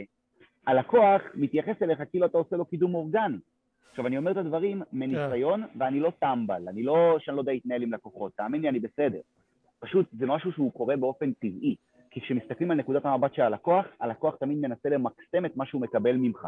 ומבחינתו, לא עולה לו יותר כסף לדבר איתך עשר פעמים בחודש. זה לא שכל שיחה מעלה לו את המחיר. אז הוא מבחינתו, קיבלתי 100 שקל לליד, מה זאת אומרת? עכשיו אני רוצה גם לראות איך אני משפר את האיכות של הלידים, או איך אני... ככה זה עובד. זאת אומרת, אתה אומר, תן לי להתעסק עם מערכות אוטומטיות, או אה, לחילופין, הרמה השנייה, גוף גדול. שבתחתית בהיררכיה זה המזדמנים האלה, העסקים הקטנים, לא יציבים, שלא באמת מבינים גם מה אתה עושה שם, ויכולים פתאום לחתוך, וכל המאמץ שעשית לשווא, ועכשיו יש לך אתר שמייצר לידים, ואין לך סוחר שישכור ממך, ואז אתה סתם מייצר לידים לאוויר. וזה גורם לך להפסיק להשקיע בנכס מן הסתם, ואז הוא כבר יורד בדירוג, והכל מתחיל להיות מבאס. ויש עוד, יש שלב אחד, אחד, אחד לדעתי שאני מצאתי, שהוא יותר מגוף גדול, שזה אומר גוף גדול שנותן לך עמלת recurring. Recurring זה שאתה כל חודש מקבל כסף lifetime, לא שנה, lifetime, ושזה שירות שכולם צריכים. אני כל היום מחפש כאלה, אני הייתי מחפש את זה הרבה כשהייתי עושה affiliate marketing, אז ב Click Bank הייתי מקדם כמעט רק הצעות שיש להם recurring payment, כי זה מצטבר, זה פה חמש, שבע, שמונה, תשע דולר, אתה יודע, מזה מזה, פתאום אתה פותח את החודש, ו Click Bank שולחים לך צ'ק הביתה של אלפי דולרים שאתה בכלל לא זוכר בלי שתדבר איתם, כן, בלי שישאלו אותך, רגע, אבל הליד, לה לה לה, אה, הוא היה משהו שלא סיכם, בלי קשקשת, אתה מתעסק במקצועיות שלך, לא משנה איפה, בסיני, בישראל, עובדים, בלי עובדים, אבל אתה מרוכז במה שאתה יודע לעשות. עכשיו, אני מצאתי נגיד אפיליאציה אחת שהיא כאילו גולת הכותרת שאני מצאתי, שזה אפיליאציה עם Cloudways. Cloudways זה שירות של אחסון אתרים, השירות הוא מאוד מאוד איכותי, זאת אומרת, אני כבעלים של עוד מעט 500 אתרים, את כל האתרים מאחסן בעצמי ב-Cloudways, אני משלם כמעט אלף דולר, שזה זה שליש מהמחיר שהייתי משלם בחברות ישראליות, אבל אני משלם כמעט אלף דולר בחודש רק על האחסונים של האתרים, ואני יודע באופן אישי כמה איכותי המוצר. ו-Cloudways מציע Recurring Affiliation, זאת אומרת שאני, נגיד אני, נכון לעכשיו, יש מתחתיי 220 יוזרים שהזמינו uh, את השירות מ-Cloudways דרכי. ממוצע של בן אדם ב-Cloudways שמשלם כל חודש זה סדר גודל של עשרה דולר, אבל זה עולה כל הזמן, כי גם יש שם העניין של לשדרג שרתים ולהגדיל ועוד שרת ועוד שרת, ואתה יודע שככה זה עובד, כל אחד מתפתח ורוצה עוד שרתים וזה. יוצא מצב שאני השקעתי שנה וכמה חודשים בשיווק של הדבר הזה, זה בערך, מבחינת זמן השקעה, 2% מהפעילות העסקית שלי, משהו כזה, אבל זה מייצר לי סדר גודל של 8,000 שקל במקרה הרע, אני אפילו לא מדבר על ה sale, יש גם את העמלה שאתה מקבל על ה sale, על כל sale כאילו, וגם את ה recurring, אני מדבר רק על ה recurring, נשים בצד כן. את ה sale. אז ב recurring יש לי קרוב ל-8,000 שקל שמגיע כל חודש, שלא יתנתק מחר בבוקר, כי זה גוף גדול, אין שירות לקוחות, אין מוצר שצריך לספק, למעשה, אני תמיד קורא לזה, זה מוצר פרפרים. פרפרים, יש פרפרים שעובדים בשבילי. ככה הם עפים וככה, מאיפה הבאתי את המושג, היה לי פעם לקוח שהיה לו שותף עסקי והם רבו, אז הם החליטו שהם לא מגיעים יותר למשרדים. אז שאלתי אותו, אבל מי מנהל את העובדים? יש לך שם 40 עובדים בתוך המשרד. אז הוא אמר לי, הם פרפרים, הם עושים מה שהם רוצים, אין אבא, אין אימא, יושבים, מפסידים כסף כל חודש, אנחנו בכסח וככה זה. אז אהבתי את המשפט הזה של ה... אז זה נגיד דוגמה למשהו שהוא באמת צריך להיות, כאילו צריך להיות ניסיון, אני, אני בא, בוא נגיד שהשלב הראשון, כמו שאמרתי, לדעתי, זה לעשות איזשהו נכס דיגיטלי שתומך במוניטיזציה קיימת שלך. השלב האחרון, שהוא הכי קשה, אבל הוא עם הפירות הכי מתוקים, הצמרת של העץ, זה למצוא גוף גדול שיש לו מוצר recurring, שהוא טוב, שהמוצר באמת באמת טוב, שהמחיר אטרקטיבי, שאין שירות לקוחות, שאין אה, מכירות, שאין כלום, אתה ממש צינור שמפנה את האנשים, ותודה שלום. זה כאילו ה top of the top, זאת הסיבה שאנשים כל כך אוהבים לעשות אה, אפיליאציה לפוקר ולכל ההימורים ולכל האתרי מצלמות וכל הקשקשת, זה כי, זה, כי זה הסוג של המוצר. אתה לצורך העניין עכשיו מפנה בן אדם לאיזה אתר הימורים כזה או אחר, אתה מקבל recurring payment על כל שקל שהוא יוציא. ואתה לא צריך לדעת מי הוא, ואתה לא צריך, אני כמובן לא מעודד אה, להתעסק בכאלה נישות, אני רק מספר על איך זה עובד שם ולמה זו הנישה היוקרתית ביותר. כי שם יש הכי הרבה כסף. גם ב... יש לך את זה הרבה בכל ה beauty והנושאים האלה של beauty, יש המון אה, אנשים שקונים supplements כל חודש, את אותם supplements, אז יש שם גם recurring, אה, וכל ה make money online וכל הדברים האלה מן הסתם, אבל כן, אני בטוח כן. שאפשר גם למצוא דברים אה, כאילו יותר כיפים. אה, יפה, תשמע, זה זווית אחרת להסתכל, אני פתאום שם לב שגם אני, מה שאני משקיע כסף SEO, זה רק על נכסים שאני זה שנותן את המוצר בסוף. גם החנות Shopify שלי, שאני אחראי על להמיר את הלקוחות, יגיעו אנשים, זה תפקיד שלי, וגם כל העסק שלי של הקורסים והתוכניות ליווי, וזה האתר הראשי שלי, שדרך אגב עכשיו העברתי אותו ל Cloudways, חבל, היית נותן לי affiliate, חבל. אמ, אתה יכול לכתוב להם בתמיכה, אה, please insert promo code עשאל, ASAL, ואתה תראה שגם תקבל שלושה חודשים 30% הנחה, ואתה תקבל אה, גם את ה... כאילו, אני, אתה תירש... יהיה רשום שאתה דרכי, אפשר גם בדיעבד. וואלה. יפה, אז עכשיו העבירו לי את הכל לשם, מחברה ישראלית, אני לא אגיד את שמה כמובן, אבל פשוט התישו אותי ברמת שירות כזה גרוע לא ראיתי בחיים שלי, באמת, עזוב, אני לא רוצה להיכנס לזה, אה, והאתר פתאום טס, אתה יודע, אני מבסוט, נהנה, אבל מה, לא עשינו את ההעברה טוב, אז כבר איזה כמה ימים לא מוצאים אותי בגוגל, עכשיו סידרנו את זה, זה אמור, אמור לחזור. אה, אבל אה, האתר טס, כאילו רק העברנו אחסון בלי לעשות כלום, עוד בלי אופטימיזציה, אתה יודע, של תמונות ודברים כאלה שהיו כבדים, רק נטו מלעבור אחסון, האתר אה, טס, אז אני ממליץ על ה... האמת שלפני כמה שבועות היה איזה וובינר של Cloudways, הם הזמינו אותי לדבר, שאלתי אותו על מה אתה רוצה שאני אדבר? אמר לי, ת, ת, ת, תדבר על, ה, על החוויה ועל ה... ואני אמרתי לעצמי, אוקיי, מה מעניין לקוחות? טוב, בוא נראה להם את הפרקטיקה, נשים את התיאוריה בצד, אם אני אספר שזה שרת טוב. לא מעניין. מה, זה לא מעניין, כאילו, מה אתה רוצה, מי, מי יגיד על מוצר שהוא משווק שהוא לא טוב, כאילו? אז כשעשיתי את זה הכי קל בעולם, זה מוקלט, אמרתי להם, alright everybody, watch. לקחתי אתר ביופר, בחברה ישראלית כלשהי, שמתי אותו, עשיתי שכפול שלו ל-Cloudways, אחד לאחד, בלי אפילו, בלי לשנות אות אפילו, ועשיתי, בלי לעשות שום שינוי, רק שהוא פה והוא פה, מה המהירות שיצאה פה, מה המהירות שיצאה פה, ו- וזה פשוט שמיים וארץ בלי לשנות אפילו מילימטר.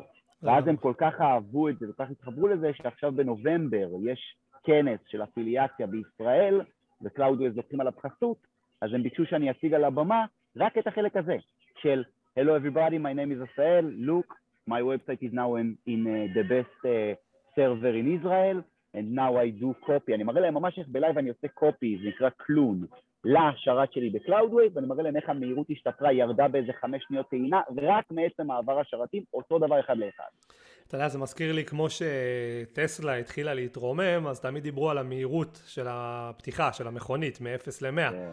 עד שאתה יודע, כל הזמן דיברו, דיברו, דיברו, עד שהתחילו להוציא סרטונים, שאתה רואה את טסלה רגילה, סדרה שלוש, אתה יודע, פשוטה, עם, אה, עושה פתיחות עם איזה אלפה רומאו ספורט, אה, ספיידר, או עם אה, למבורגיני כאלה, ונותנת להם בראש. אז זה בדיוק אותו דבר, לפעמים צריך פשוט להפסיק לדבר, להראות תכלס, הנה זהו. עכשיו תחשבו מפה, איך זה מתבטא לכם בכסף, שאנשים יגיעו אליכם מהר יותר. איך, איך אתם מרוויחים האמת מזה? שכן, האמת שכן. אני גם רואה את זה בקמפיינים שלי בפייסבוק, שככל שה...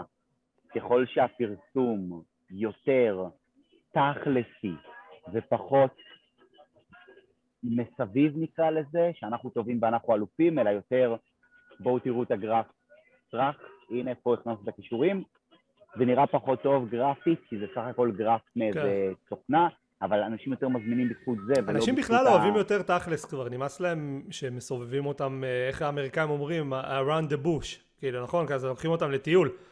דבר איתי תכלס, אני רוב המודעות הטובות שלי זה שאני אומר לאנשים בתחילת הסרטון, אני הולך אה, למכור לכם משהו אה, והוא יהיה ככה וככה, אבל לפני זה בואו נדבר, או שאני, אתה יודע, מציג את עצמי בצורה הכי פשוטה, בלי בלבולי מוח, זה מי אני, זה מה אני עושה, זה מה אני מציע לכם, זה ההוכחות שיש לי לתמוך בטענות שלי, וזהו, ודווקא אנשים יותר מעריכים את, ה, את התכלס הזה. בכלל, כל העולם הולך, חוזר, אני מרגיש שהוא חוזר יותר אה, לכיוון האותנטי בלקוחות שאני עובד איתם לפחות. אני לא יודע לקוחות אחרים, אבל בלקוחות שאני עובד איתם דווקא יותר מעריכים את האותנטיות, את הפשטות, את התכלס, בלי אה, בלבולי מוח מיותרים. גם אצלי זה ככה, אה, רואים את זה גם רוחבית בפלטפורמות שמצליחות, נגיד סתם דוגמה, טיק טוק, כל הרעיון שלו, מספיק שאתה... לפעמים אני סתם רואה דברים כאלה, סרטונים כאלה מפגרים שם, אבל הם הכי אותנטיים. אני אתן לך דוגמה, אה, ראיתי סרטון של מישהו, הנה, אתמול היה למשל סרטון ממש חזק בטיקטוק של כלום, שסך הכל רואים ילדה במשחק כדורגל של מכבי חיפה, מתקשרת לאבא שלה, ורואים את השפתיים והכניסו כתוביות, שהיא אומרת לו, אבא, כבר ראו אותי בטלוויזיה, ובדיוק הטלוויזיה משדרת את החלק הזה, ממש, זה מתוך המשחק כאילו. מישהו, תקשיב, מישהו הוציא מצלמה, ככה צילם את, ה, את הטלוויזיה כשזה קורה. הסרטון הזה הגיע למעל מיליון צפיות. אני רק שנייה מחבר את ההתנה. מטורף. זהו. קיצר, הסרטון הזה הגיע למעל מיליון צפיות על כלום, אפס הפקה, אפס מחשבה. סתם, מישהו פשוט ראה סיטואציה ממש ממש מצחיקה, כי היא אומרת, אבא רואים אותי בטלוויזיה, ואז הוא אומר לה בחזרה, רואים אותך עכשיו על המסך מדברת איתי. ואז היא כזה נבוכה ממש, והמשחק חוזר ל, ל, למשחק. זה, זה פשוט הגיע למיליון ומשהו צפיות. כי זה רגע, זה רגע אותנטי, אמיתי ופשוט, אתה יודע, וכיפי. בדיוק. אז זה מגניב. בדיוק, ואי אפשר, מאוד קשה לביים ברמה הזו. כאילו רואים ש, שזה פשוט קרה לבד, ומישהו היה מספיק חכם כדי לשים שם את הנעץ ו, ולהגיד, זה שווה את הצפיות. אגב, שתכיר, ש, שאני מאוד משחק על השיטה הזו. הרי אנשים המון פעמים אומרים לי, איך יכול להיות שיש לך תמיד רעיונות מה להעלות או לחדש או כאלה? אין לי, אני חי את החיים שלי בדיוק כמוכם, פשוט כשאני, סתם דוגמה, מגיע לבית קפה, לא יודע, הגעתי לבית קפה פה, ואני לצורך העניין עכשיו רואה, הנה אתה יכול לראות מאחורה, אם לא יודע אם אתה רואה או לא, אבל יש פה איזשהו ארסל כזה, והארסל הוא בדיוק על המים כזה, הנה אני אראה לך אותו, שנייה. ככה כבר, אם כבר יש פה אנשים אתה אומר לנצנץ עד הסוף, שאתה בסיני. לא, לא, אני סתם... ואני ירו עליי טילים לפני יומיים בלילה, ירו עליי טילים פה ליד שדרות. אני רואה את הארסל, את הנדנדה. קליטה לו משהו. שחר? כן, כן, שומעים אותך. כן, אני פשוט ראיתי שהקליטה קצת נדפקת כן. כשאני הולך אחורה. לא יודע אם אתה רואה את זה או לא, שומע אותי? כן, כן, שומעים, שומעים. אתה רואה מאחורה את הארסל הזה? כן. זה פשוט ארסל, אין פה שום דבר, הוא פשוט ארסל על המים. אז חמש דקות לפני שהתחלנו את, ה, אה, את הפודקאסט שלנו, פשוט הלכתי וביקשתי ממישהו פה שיצלם אותי שלוש דקות, ועשיתי איזשהו טיזר מגניב כזה לקורס שלי. עכשיו, זה פשוט דברים שקורים בחיים שלי באופן כללי, אני לא עושה משהו מיוחד, אני פשוט מנצל הזדמנויות שאני רואה כחלק מהחיים שלי. לגמרי. אני יכול נגיד, אני, הנה, אני אתן לך עוד דוגמה. אני עכשיו רוצה ללכת למלון שאני נמצא בו, לצלם שלטים שמכווינים כל מיני דברים, ולהראות איך גם בעולם האמיתי משתמשים בצבעים מסוימים כדי לייצר חוויית משתמש. נגיד לדוגמה, אם עכשיו רשום אה, Don't feed the fish, כאילו אל תאכילו את הדגים, אז זה יהיה בכתב אדום, זה לא יהיה בכתב ירוק, זה יהיה בכתב נכון. אדום. ואם אני עכשיו נגיד אה, אה, אראה איזשהו שלט על חנות שיש בו טלפון, אם הם חכמים יעשו את זה בצבע ירוק, שיש לו גם מספר, אם אני לא טועה זה E, קיצר יש, יש איזשהו אה, מספר שזו מוסכמה, שככה עושים ירוק של טלפון. או אם אני עכשיו אלך לצורך העניין ואעשה משהו שהוא בצבע אה, ורוד, אז ב- ברוב המקרים, זאת אומרת, אם אתה רוצה קונטציה מהירה למי זה מיועד, אז כנראה שזה כמובן יכול להיות גם מיועד לגברים, אבל, אבל יותר נש, גם נשים לצורך העניין יתחברו לדבר הזה. או, יש הרבה הרבה משחק בצבעים ובמה אתה, ומי קהל היעד ומה אתה בעצם אה, מנסה להגיד לבן אדם אה, באותו מסר. אז שוב, בסך הכל הלכתי ב, ב, ברחבי המלון שלי וראיתי שלטים בצבעים נכונים. אמרתי, אוקיי, פה אני אעשה סרטון על חוויית משתמש. אני מבין, תשמע, אני ממש מבין את זה, כי אתה כבר בפנים, אתה, מה שאתה עושה בחיים גם, זה, זה חלק ממך.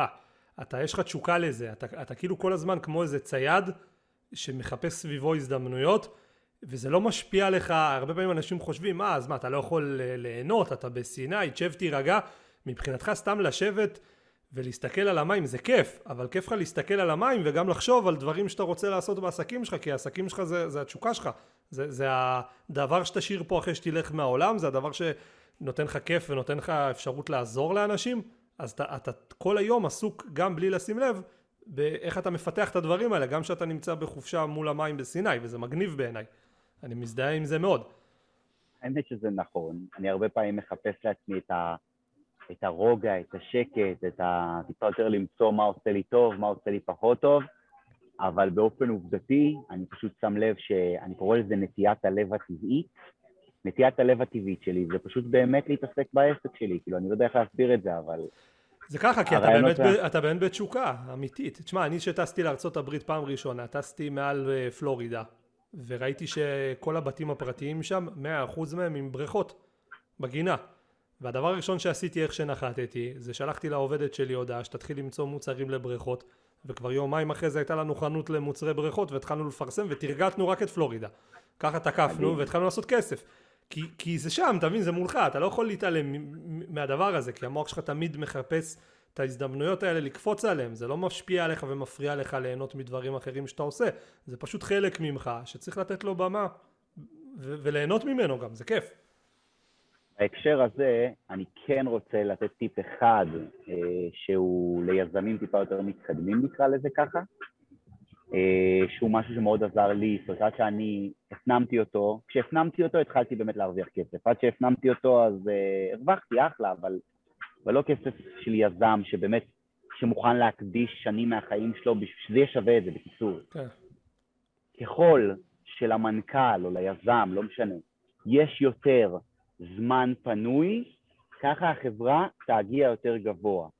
איך אמר לי פעם, הרי חברה שלי נגיד היא עובדת באינטל, איך היא אמרה לי פעם? שאלתי אותה, נו, מתי, מתי יש לך פגישה עם המנכ"ל שלי? מה זה חברה שלך? התחתנתם כבר? אני אמשיך לקרוא לה חבר, החברה הכי טובה שלי, אני לא יודע מה זה השטויות לא, לא, האלה. אשתי, שמע אשתי, אני לא יודע, אני... אני חברה. אני מטבעת על היד, היא חברה שלי, אני לא יודע איך, לא, כן. לא רוצה לשנות את זה. קיצר, בוא, אתה יודע, השם הרגיל זה אשתי, כאילו, לא יודע, לא התחברתי. ועוד היא אומרת בעלי, כאילו זה בכלל, אתה מרגיש כאילו אתה בעלים. בעלות כבר, אני טאבו, הכל. קיצר, זה מטורף, עזוב. קיצר, אה, אז, אז ככל ש... אני נגיד סתם שאלתי חברה שלי, נו, עשי לה את זה כאילו בהלצה, כאילו רק כדי להבין את הקונספט. אני אומר לה, אוקיי, מתי את נפגשת עם המנכ"ל של החברה? ואז היא אומרת לי, אה, הייתה לי פגישה עם הראש צוות שלי שבוע שעבר. אז אמרתי לה, לא, לא ראש צוות. מתי נפגשת עם המנכ"ל של אינטל? אז אומרת לי, לא, אני לא אפגש אותו אף פעם. אמרתי לה, גם אם את תעבדי 30 שנה באינטל, סביר להניח שלא תיפגשי איתו? היא אמרה לי, לא. כי, כי המנכ"ל לא ישים את הזמן שלו על לדבר עם עובד, והוא גם לא ידבר עם, הוא, הוא ידבר במקסימום עם כמה בכירים, והסיבה היא לא כי המנכ"ל סנוב, זה כי המנכ"ל צריך שהלו"ז שלו יהיה כמה שיותר חופשי, כדי באמת לעשות את הפרטו, את ה-20% האלה, שבאמת ישפיעו על, ה, על, על כל החברה מלמטה, ומספיק שהמנכ"ל הזה ילך לג'ק, לבריכה הפרטית של מנכ"ל מייקרוסופט בבית לידו בפלורידה או איפה שזה לא יהיה, והוא יושב איתו על כוס, אה, אה, על שייק אה, מנגו ו, והם ויסגרו איזו עסקה של בוא אני אתן לך חמישה אחוז מניות שלי ואתה תיתן חמישה אחוז שלך ואז גם נערבב טכנולוגיה שגם אתה תרוויח וגם אני, זה יעילות שהיא פי אלף יותר מלדבר עם עובד כזה או עם מנהל כזה. זאת אומרת, ככל, המנכ"ל טוב זה מנכ"ל שיש לו זמן.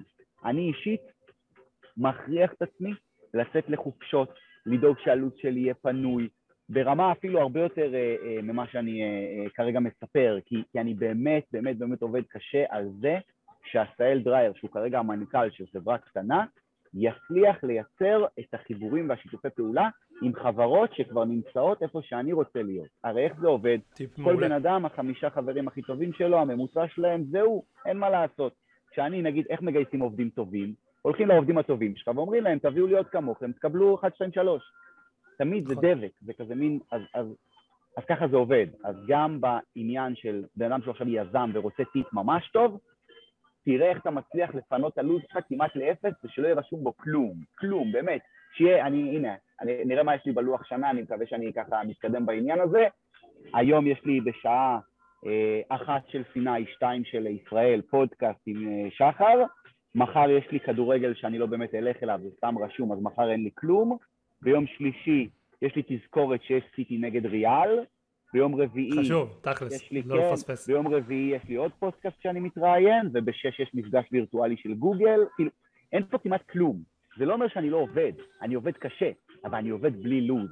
אני לא חייב לעשות משהו. יש משפט באנגלית מסתכל. שאומר, אה, נראה לי דזן וולשינגטון אמר אותו באחד מהסרטוני מוטיבציה, הוא אומר, אה, Don't confuse אה, movement with progress. Okay? אוקיי? כי הרבה פעמים אנשים מרגישים, הם זזים, הם מרגישים שהם עושים משהו, אבל לא לבלבל, לא לבלבל בין תזוזה בעצם לבין התקדמות. זה שאתה זז זה לא אומר שאתה מתקדם, אתה יכול לשחות במים במקום לנצח ובסוף אתה תטבע משחיקה. צריך לדעת איך אה, לפעמים לשחרר את הגוף ולתת למים ככה לקחת אותך ואתה רק צריך לנווט ולראות שאתה בכיוון ומה שאתה אומר אני מאוד מתחבר במיוחד בתקופה הזאת שאני עכשיו אה, נאלצתי להוריד את כמות הזמן שאני עובד. אופה, לזה רציתי להגיע. ודווקא זה, לא אומר ש... זה לא אומר שאני מרוויח פחות. בדיוק, זה כי אתה, כשיש לך ילדים אז משהו באופן אה, כפוי לוקח לך מלא זמן מהחיים, פתאום אתה לא כן. ישן בלילה, פתאום אתה צריך לדאוג לו לככה ולדאוג לו לככה. מה זה ישן?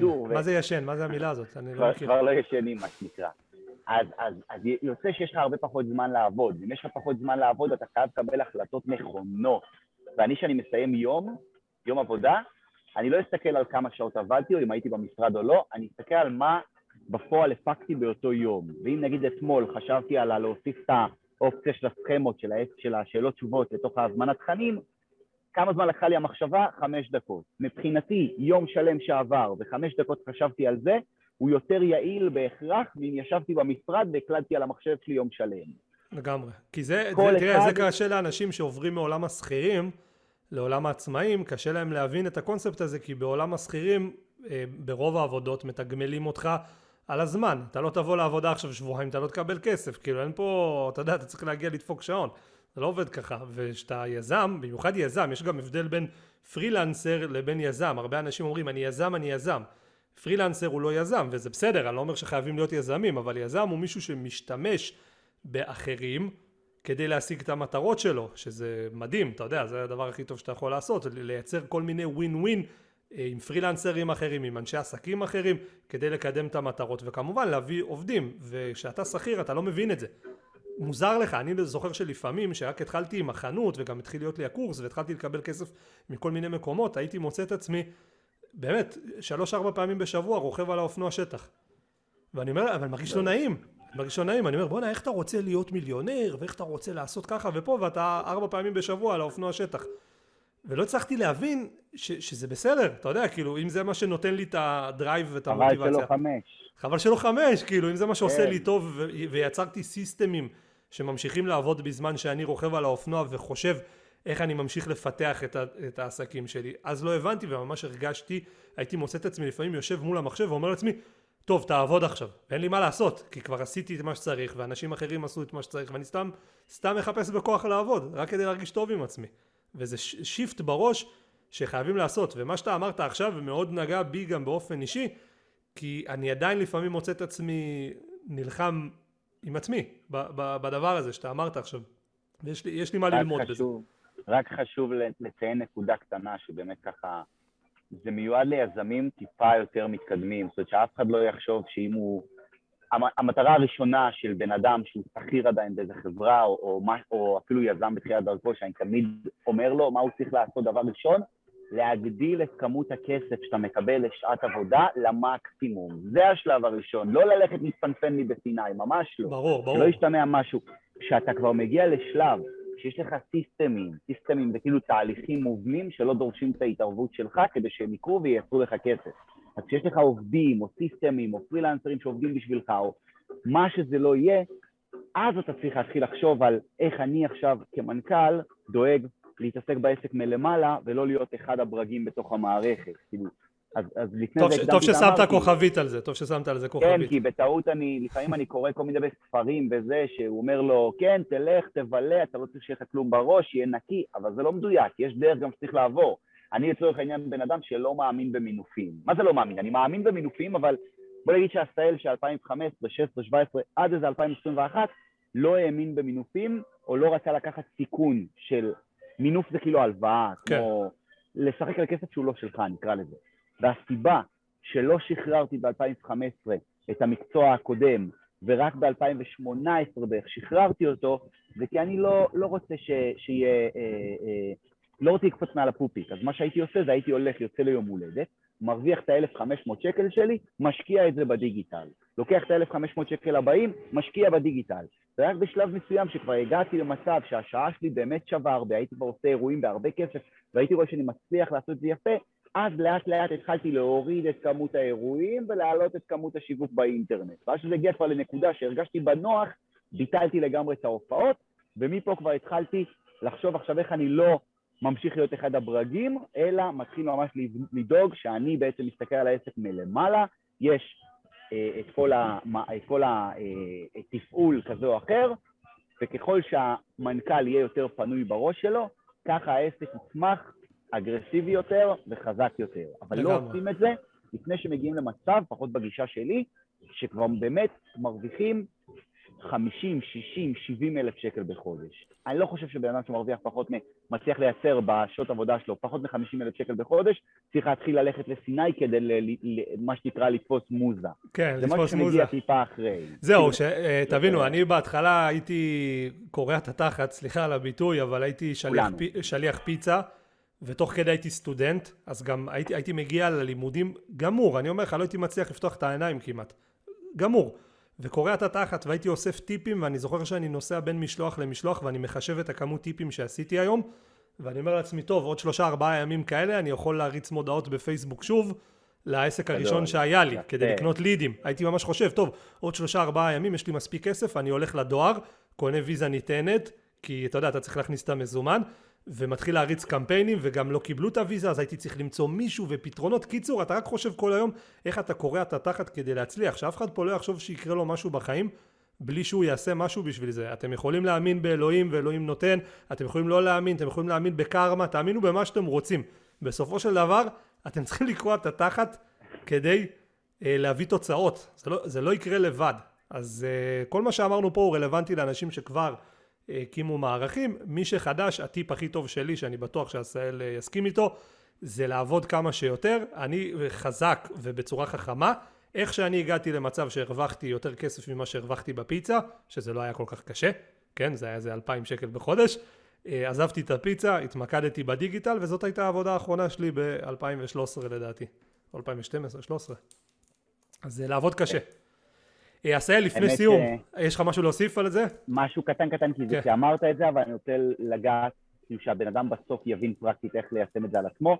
מלא פעמים אנשים באים אליי ואומרים לי, שמע, אני uh, עובד נגיד, כ... הנה, אתמול, uh, לפני כמה ימים פגשתי פה בחורה בשם שני, היה לנו אחלה...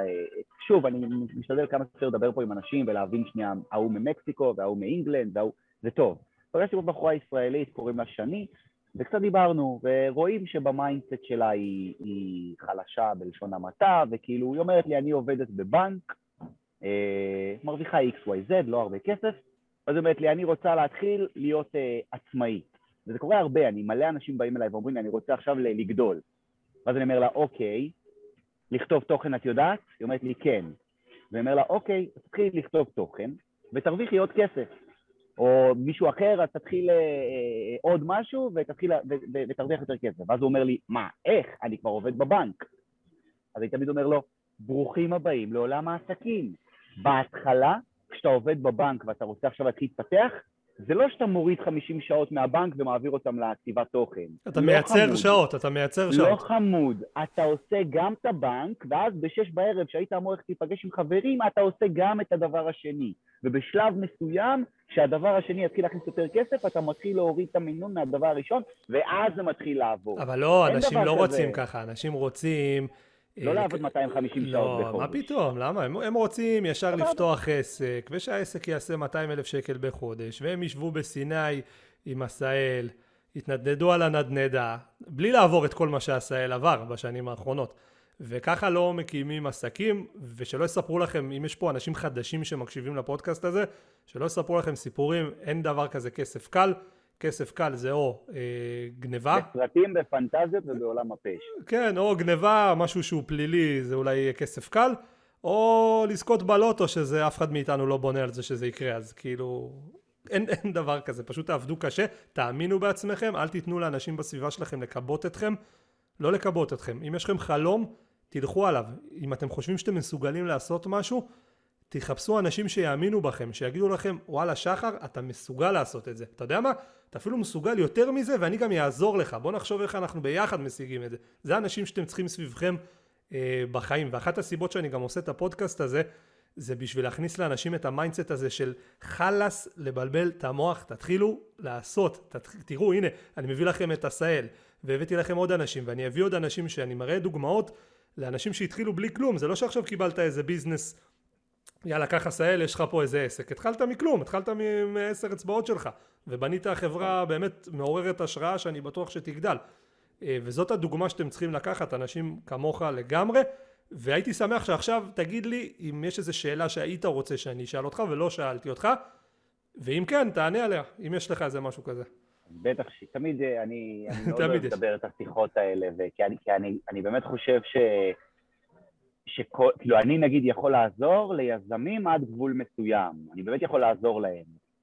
אני לא אתן טיפים עכשיו למישהו שרוצה לעשות חברה של 100 מיליון שקל בחודש, כי אני לא שם, אבל מי שרוצה לצורך העניין לעשות חברה של כמה מיליונים בחודש, אני כן מרגיש שאני יכול לעזור, כי אני עשיתי כבר את הדרך הזאת בעצמי, אז אני כן שמח עד כמה שאני יכול. אז לצורך העניין, חבר לאחרונה בא אליי ושאל אותי, אחי, סליחה, אמרתי בחודש, כמה מיליונים בשנה, אחי, מה היית נותן לי כטיפ הכי טוב שאתה יכול אה, אה, אה, לתת לי? ישבתי ובאמת חשבתי, אמרתי לו, אני יכול לתת לך תשובה תוך עוד כמה ימים? כאילו, הוא אמר לי, כן, תחשוב על זה. בסוף חזרתי לו תשובה שלדעתי היא המפתח של כל הסיפור, היא הדרך שבה מקצרים את הדרך והכל. עשה לך רב. מה זה עשה לך רב? אני לצורך העניין עכשיו התחתנתי, היה לנו צלם שעשה לנו צילומי זוגיות, ואחרי זה חתונה וטרום חתונה ובלה בלה בלה, ואז הוא שאל אותנו, איפה אתם רוצים שנלך? אז אמרתי לו, אתה תחליט איפה אנחנו נלך, אתה הצלם, נכון. אתה תגיד לנו איפה, אתה הרי עושה את זה מיליון פעמים, אתה יודע איפה זה מצטלם הכי יפה, אתה תגיד איפה. ברור. או שנגיד עכשיו אני רוצה אה, ללכת ולעשות אה, פרסום בפייסבוק. אני הולך לבן אדם שמתיימר, שאני חושב שעשיתי את הבדיקות שלי כדי לחשוב שהוא הרב בתחום, ואני נותן לו את ההזדמנות להיות הרב. ההזדמנ... לתת את ההזדמנות הזאת זה עולה כסף, אבל זה שווה זהב, כי מספיק שאחרי שלושה אנשים שבזבזת על כל אחד 2,500, 3,000 שקל, או לא יודע, אפילו לפעמים יותר, לפעמים פחות, וקל, ועד שהגעת לשלישי שהוא עושה את זה ממש טוב, יש לך עכשיו שקט, אתה לא צריך לדעת לעשות פייסבוק בשביל למצוא מישהו שיעשה את זה בשבילך טוב. אני כל החיים שלי, אה, ובשלב מסוים גיליתי שזה לא שהדרך הזאת, נגיד, של לרצות למצוא מישהו שעושה פרסום בפייסבוק טוב, ואז, ואז להגיד, אוקיי, זה הרב שלי, היא מאוד מאתגרת. למה? כי בדוגמה שנתתי, אחרי שלושה אנשים מצאתי את הבן אדם הנכון. יש תחומים שגם אחרי עשרה אנשים, אתה עוד לא הגעת לבן אדם שאתה באמת מרוצה מהתוצאות שלו. לגמרי. והיום אני עובד ההפך, זה בדיוק כמו עם הנכסים הדיגיטליים, זה כאילו מטורף. אני הולך, מכיר אנשים, אני רואה בן אדם שאני חושב שהוא באמת עילוי במה שהוא עושה, ואז אני מתחיל לחשוב איך אני יכול להשתמש בבן אדם הזה. אני בכלל לא חשבתי שאני צריך אותו, אני מוצא בן אדם מומחה בסרטי אנימציה, עושה את זה באמת ברמה ללקק את האצבעות, מחירים אטרקטיביים, שירות טוב. אני אתחיל להפעיל את הראש שלי, איך אני אצרוך ממנו שירותי אנימציה ואחסוך לעצמי המון המון זמן ואגדיל את ההכנסות שלי בזכותו. אז עשה לך רב, זה קצת קשה למצוא את הרבנים להתאמה אישית, ולכן אני תמיד מתעניין בסביבה שלי ומה הוא עושה ומה הוא עושה, ומוצא את האנשים שאני מגדיר כעילוי בתחומם, ואיתם אני בעצם מוצא את ה... מה אני יכול לצרוך מהם כדי להגיע מאוד מאוד גבוה. אגב, זה גם מתחבר לי לגיוס עובדים. אנחנו לא עושים ראיונות לכל אחד, זה בזבוז זמן. גיליתי שמגיעים לך עשרה אנשים ואתה לא מרוצה מאף אחד. מה אנחנו עושים? אנחנו, הראיונות שלנו הם ראיונות מלאים בגוגל פורם. זאת אומרת שבתוך הגוגל פורם אני עושה לבן אדם ראיון שלוקח למלא אותו הכי הכי הכי מהר בעולם, שעה, לא פחות משעה. אם אני רואה שאפשר למלא את זה בפחות משעה, אז זה לא ראיון עבודה, כי, כי זה מאוד מהר, אז הוא יכול כן. לתקתק את זה. אני רוצה שרק מי שבאמת ישב והשקיע שעה שלמה מהחיים בטח יש הרבה שלא ממלאים את זה, יש לא מעט שמתעצלים. בדיוק, כמעט אין אנשים שממלאים את השאלון, ואנחנו מפרסמים בכל מיני מקומות, בתשלום, לא בתשלום, חברים, לא חברים. והשבוע נגיד קיבלתי קורות חיים של, של מישהי שמאוד אהבתי את מה שראיתי, וזה בדיוק כמו לראות בן אדם מאוד טוב במשהו, לא יודע במה. עכשיו, בינינו, שחר, אין לי מה לתת לה. נשבע לך, אין לי שום משבצת לשים אותה ש, שאני מגייס עבורה. אבל ראיתי את הטאלנט, ראיתי את הכישרון, אמרתי, הנה, הסכם עבודה, בואי תחתמי, אני כבר אמצא מה לעשות איתה. כי תמיד אני אשקיע באנשים ולא ביכולת שחיפשתי. כשאני מחפש משהו ספציפי, מאוד קשה למצוא משהו טוב, אבל אם אני פתוח לכל רעיון או לכל עובד, ואני רק מחפש משהו שישב לי על משבצת שאני חושב שאני יכול לגרום לזה להיות עם ROI חיובי, עם החזר השקעה חיובי, אני אקח את הדברים האלו. אז הטיפ הכי חשוב שלי, מבחינתי לפחות, עשה לך רב. תחפשו רבנים ממש ממש שהם טובים במה שהם עושים, ותקשיבו להם. אל תשגעו אותם, אל תגידו להם אתם יודעים לעשות יותר טוב מהם פייסבוק ותתחילו ללמד אותם איך עושים אה, אה, אה, כל מיני אה, דברים. כי אם אתם צריכים ללמד אותם, אז זה לא הבן אדם הנכון לעשות איתו את זה. תנו לו את המרחב פעולה הזה. ודרך אגב, אמרת משהו יפה פה, שמה שמשתמע מזה זה שעובד או פרילנסר שאתה עובד איתו, אפילו לאו דווקא עובד שכיר, זה לא הוצאה עסקית, זה השקעה. זה הבדל, זה לא משהו שאתה מוציא בכסף, זה משהו שאתה משקיע והוא ילך ויצמח לך פי מיליון אחרי זה. עובד טוב שאתה עכשיו מביא, הבחורה הזאת למשל, היא יכולה פתאום להביא לך מיליונים בטווח של השנים. אתה לא יודע מה יהיה איתה עדיין, אבל אם זיהית את הטאלנט, כל הכבוד אחי. ככה, אתה כל משפט שאתה אומר, אתה מזכיר לי עוד משהו להגיד, אני כבר לא יודע מה, מה, מתי זה כאילו, מה קורה. אז אה, לדעתי פודקאסט הבא אנחנו צריכים לשבת ביחד בסיני. אה, גדול. אתה לגמרי מוזמן, אנחנו גם פה כבר בעניינים. כן. בהקשר של מה שאמרת, של השקעה, על עובד כהשקעה, זה משהו שמאוד מאוד מאוד נפוץ, לצערי, ב-2022, אצל נשים במקומות עבודה. מה הכוונה? בחורה מגיעה למקום עבודה, היא בכלל לא יודעת איך לתמחר את עצמה, היא לא יודעת כמה היא שווה, היא לא חושבת שהיא תתקבל, זה הרבה יותר נפוץ אצל בחורות מאשר אצל גברים, אני לא יודע למה, אני חייב להגיד, אני אישית מעדיף... מה זה לא יודע למה? כי זה מה ש... אחי, מה אומרים לילדה קטנה? אומרים לה, יפה, תהיי יפה וחמודה, ומה אומרים לילד הקטן? איזה אמיץ אתה, ואיזה חזק, ואיזה גיבור. אז הילד מבין שגבר זה גיבור, ואישה זה חמודה וקטנה, ואז בסוף נשים גדלות למציאות ש... הן מאמינות שהן לא שוות ואני שמח לראות שבשנים האחרונות יש יותר יזמיות אם כבר נגעת בזה ויותר אני רואה נשים שעושות ולא פראייריות ולא מתנצלות על זה שהן רוצות להצליח וכבר לא עומדות על המשבצת הזאת של האישה החלשה ממש לא באמת כאילו אם יש פה נשים ששומעות את זה עכשיו תנו בראש וזה לגמרי כאילו מיותר. העובדת הסמנכ"לית אצלי הכי בכירה הכי שאני חושב שבאמת אה, עושה איתי את הדרך הכי משמעותית והכי הייתי מגדיר אותה כמוצלחת וזה, היא בחורה, כאילו, זה הכי עדי, כאילו, היא הכי אה, ממש שותפה עסקית שלי, אני קורא לזה. כאילו, אנחנו הולכים ביחד אה, מ-2000 ואני לא יודע כמה, כבר שנים רבות. לגמרי. אה, ואני אדייק את הנקודה שרק רציתי לגעת בה, חברה שלי עכשיו עובדת באינטל, ולצורך העניין היא ככה מתחילה לגשש על, כי היא סטודנטית, היא מסיימת להיות סטודנטית, ואז היא צריכה למצוא משרה של מהנדסת כאילו אמיתית. והיא כל הזמן במחשבות של אני צריכה להתחיל ללמוד לראיונות עבודה, ואני צריכה להתחיל, כל מיני כאלה דברים מוזרים, היא אומרת לי, צריך לשבת ולהיות ממש מומחה בראיונות עבודה. ואז ניסיתי להסביר לה איך, לא משנה באיזו חברה, מי שמראיין אותך מקבל החלטה כלפייך. הכי קל בעולם. הוא פשוט מריץ לעצמו בראש, האם אני חושב שהבחורה הזאת תייצר לי החזר השקעה חיובי או לא? זה הסיפור ברובו. תכלס. זה שאת חושבת שזה כזה קריטי אם את אה, תעני על התשובה נכון או לא, זה לא קריטי. כי את יכולה לא לדעת את התשובה, אבל להגיד, כשאני נתקלת בסיטואציה כזו, אני פותחת גוגל, אם אין בגוגל אני פונה למנהל הצוות שלי, או שעושה את המחקר הכי טוב בעולם, עד שאני לא מגיע לתשובה אני לא הולכת לישון. ואז הבן אדם אומר לעצמו, אוקיי, זה מה שאני צריך. טובה. כן, לא כזה, כאילו, אז לא לדעת את המשוואה בעל פה שכולם עושים גוגל, כן? תכיר, כן, כאילו, גם מהנדסים הכי בכירים בעולם, או מתכנתים, הם עושים כל היום גוגל, איך עושים את ה-CSS הזה כדי לחסוך זמן. אז כאילו, תמיד אמרתי לה, תפסיקי לחשוב שאת חייבת לתת את התשובות הנכונות. את רק צריכה דבר אחד מרכזי, כמובן שיש עוד דברים, אבל דבר אחד מרכזי. תדאגי שמי שיושב מולך יבין שאם הוא ישקיע בך, זה יצא לו משתלם. לא משנה אם את יודעת את התשובות או לא יודעת את התשובות. אל תגידי, אני לא יודעת. כי, כי גם בעבודה הוא יגיד לך, יש לך משימה, והוא מבין שאם בריאיון את אומרת, אני לא יודעת, אז גם בעבודה תגידי, אני לא יודעת. תגידי, אני כרגע לא יודע את התשובה, אבל אם הייתי בעבודה פה כעובדת, הייתי ישר עושה גוגל ולומדת את הנושא, אפילו הייתי מבקשת שלושה ימים מהבוס הישיר שלי, שאני רוצה לשבת וללמוד קורס כמו שצריך על הנושא הזה, ואם אחרי זה גם לא הייתי מבינה, הייתי הולכת למהנדס אחר ומבקשת ממנו בסוף שבוע לשבת איתו, שיסביר את הנקודה הזו, ואז הייתי יודעת איך לענות על הדבר הזה.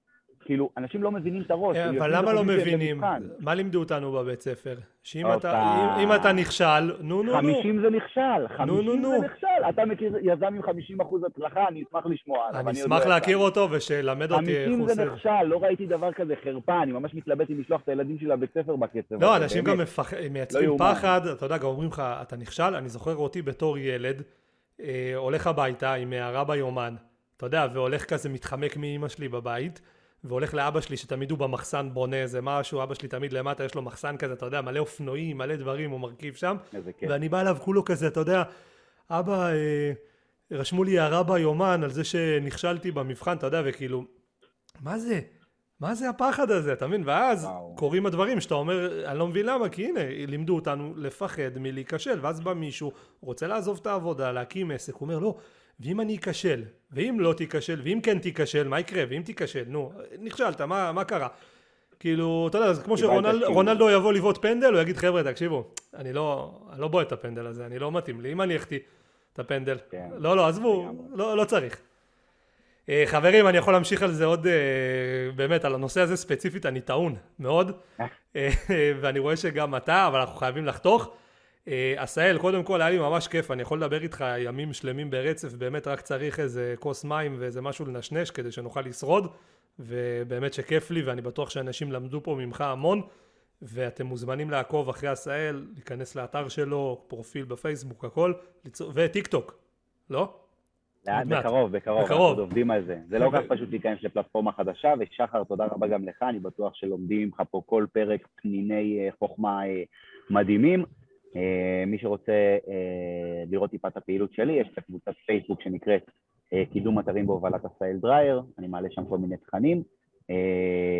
אני אשים קישור למטה לקבוצה שלך, כן. גם בספוטיפיי, גם ביוטיוב, יהיה לכם פה למטה את הקישור, תוכלו להיכנס. וזהו, אני מודה לך מאוד, עשהאל, תהנה לך בסיני. תודה רבה שהזמנת, שחר. תודה שהסכמת לבוא. יאללה, ביי להתראות.